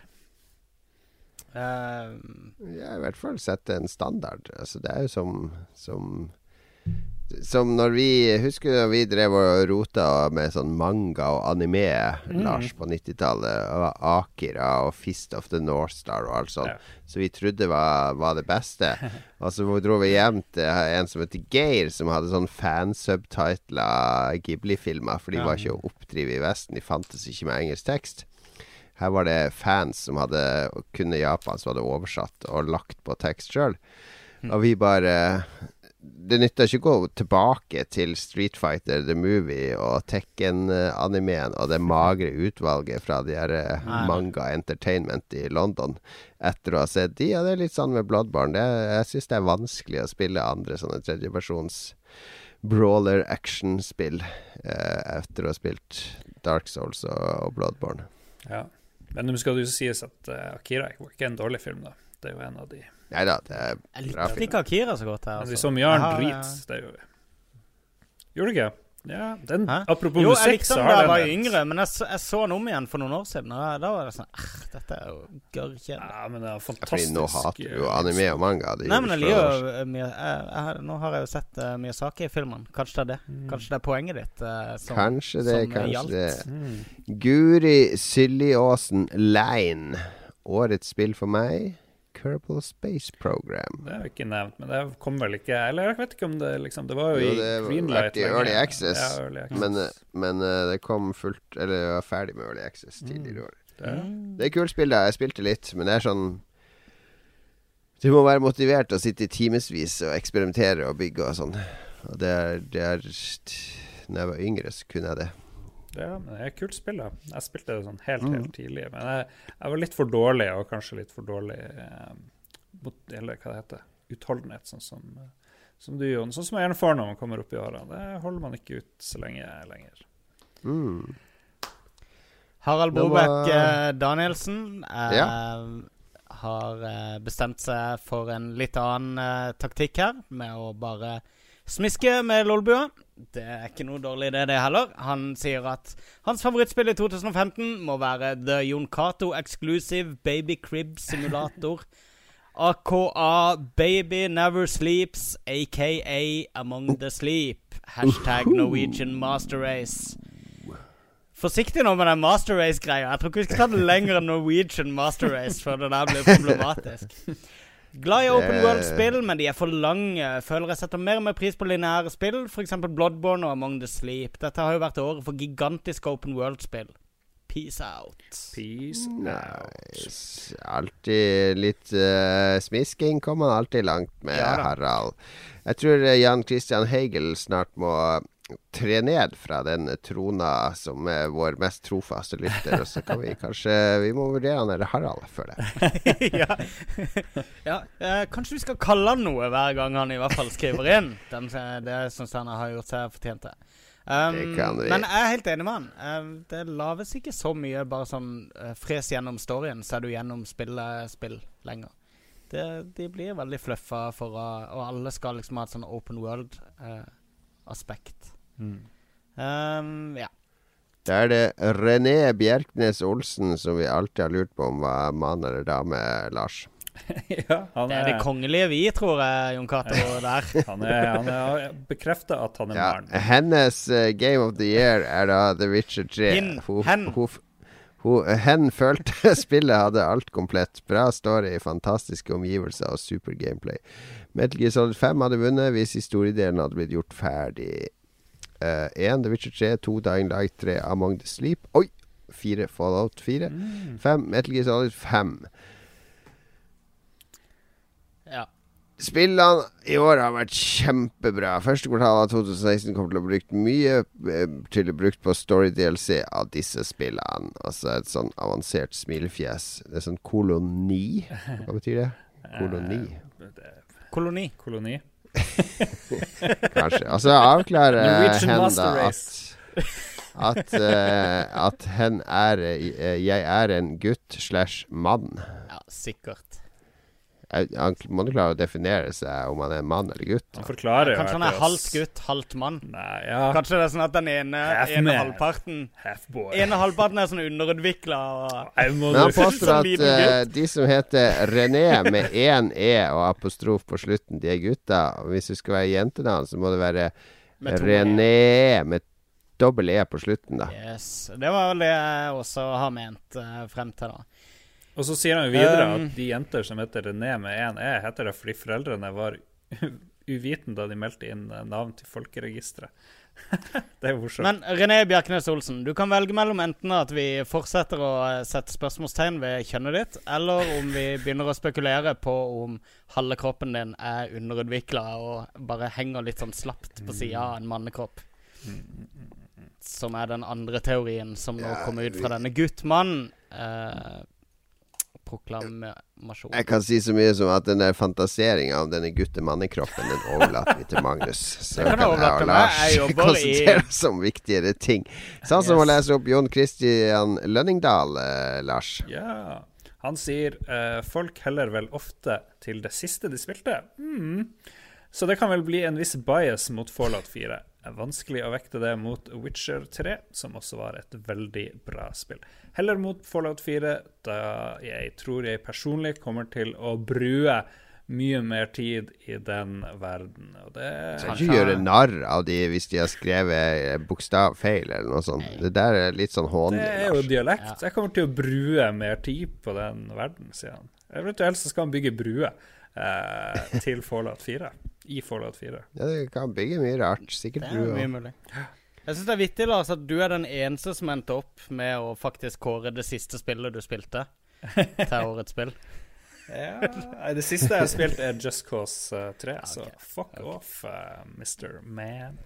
Ja, ok. Ja. All right. Renate Helgerud. Årets beste spill, Dying Light. Ja. Mm. Populært spill. Hvem er det som teller opp der etter Oi, det var bare ett spill denne gangen. Faktisk. Icebear 80, eh, Magnus. Ja. Uh, årets beste spill 80. er Splatoon. Hvor ofte er det man får noe så nyskapende og moro på dagens konsoller? En shooter som faktisk er egnet for kidsa. I tillegg har Nintendo fulgt opp lovnadene og fortsetter med å legge til nye ting. Ja, Icebear 80. Mm. Nice one, Icebear. Mhm. Det Robin Jørnby. Er vanskelig å føle at man har rett her objektivt. Eh, det er veldig vanskelig å føle at man har eh, rett objektivt når man snakker om smak. Det er helt riktig. Robin. Jeg spiller stort sett spill som League of Legends, Counter-Strike Go, eller Global Offensive, og Rocket League. Men det hender jeg spiller noen spill, og det er ofte i lag med kamerater. Uh, ja, eh, ja, det, ja. Det er veldig lenge siden jeg har spilt Dying Light nå, sa det helt igjen bort det spillet til en i kommentarfeltet her nevnte det. Og da må jeg si med en gang at det er uten tvil det spillet jeg koste meg mest med i år. Ja. Det er jo eh, Det ser jo ut til å bli eh, fasit. Den objektive fasit. eh, at uh, Dying Light er årets spill. Ja, hvorfor ikke?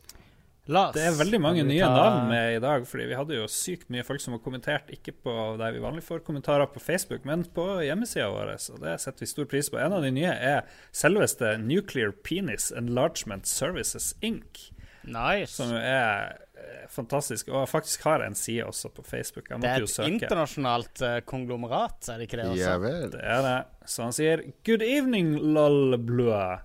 Uh, after Good evening, Nuclear Penis Enlargement Services. Good evening. May we have you, may we have the votes from the Nuclear Penis Enlargement Services Incorporated, yes, please? Yes. After hours of tough negotiations, our board of directors has finally reached a consensus. The winner of official Nuclear Penis Enlargement Services Inc. Game of the Year is The Witcher 3 Wild Hunt. The Witcher 3 Wild Hunt, 12 points.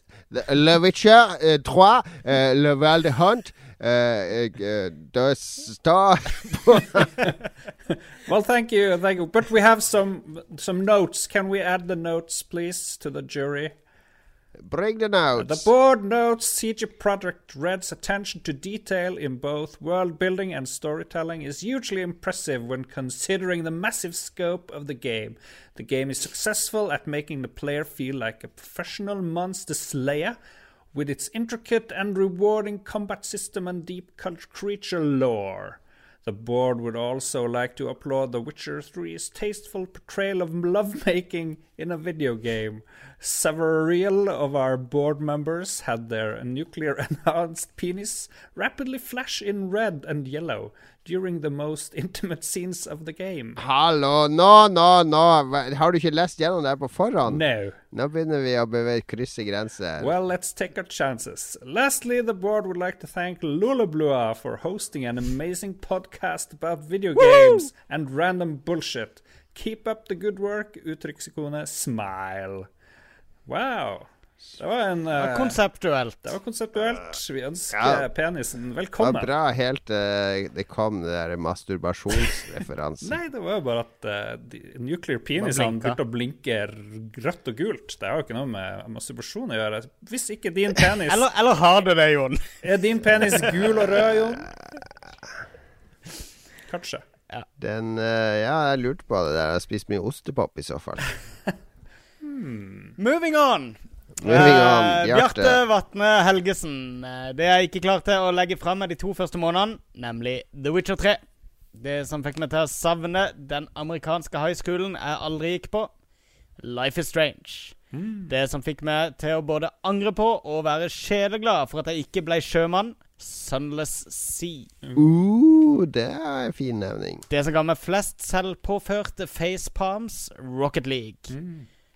Og i god sosialdemokratisk ånd må det rett og slett bli sånn at de fire får hver sin Goti-pris.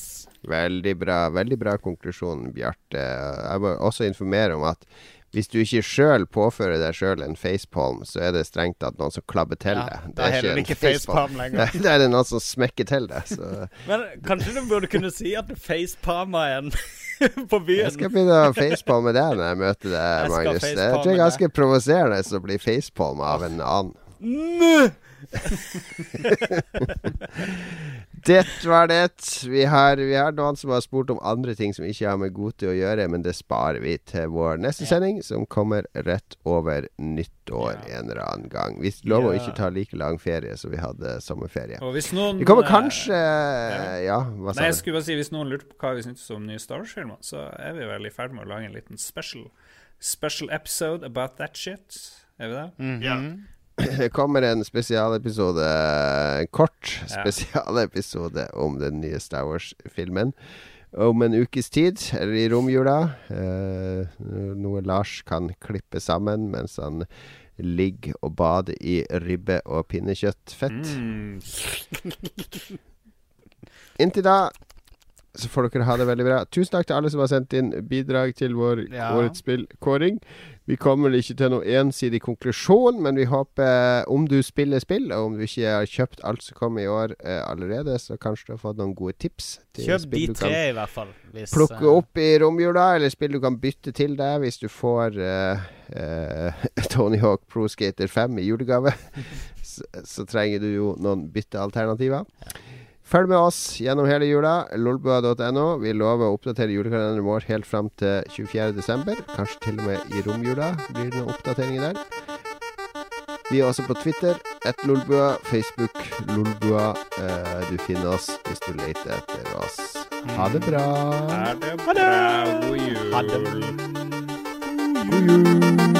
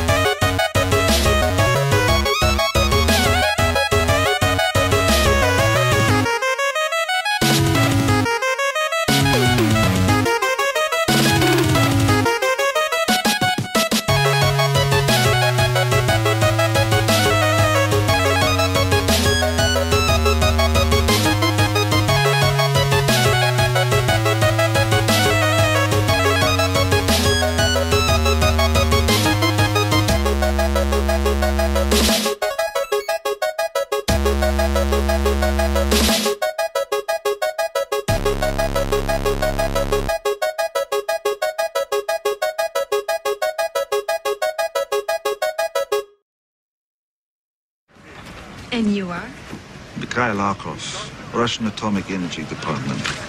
Miss. Doctor Jones. Christmas Jones. And don't make any jokes, I've heard them all. Always wanted to have Christmas in Turkey. Is that a Christmas joke? For me? No. Never. So isn't it time you unwrapped your present?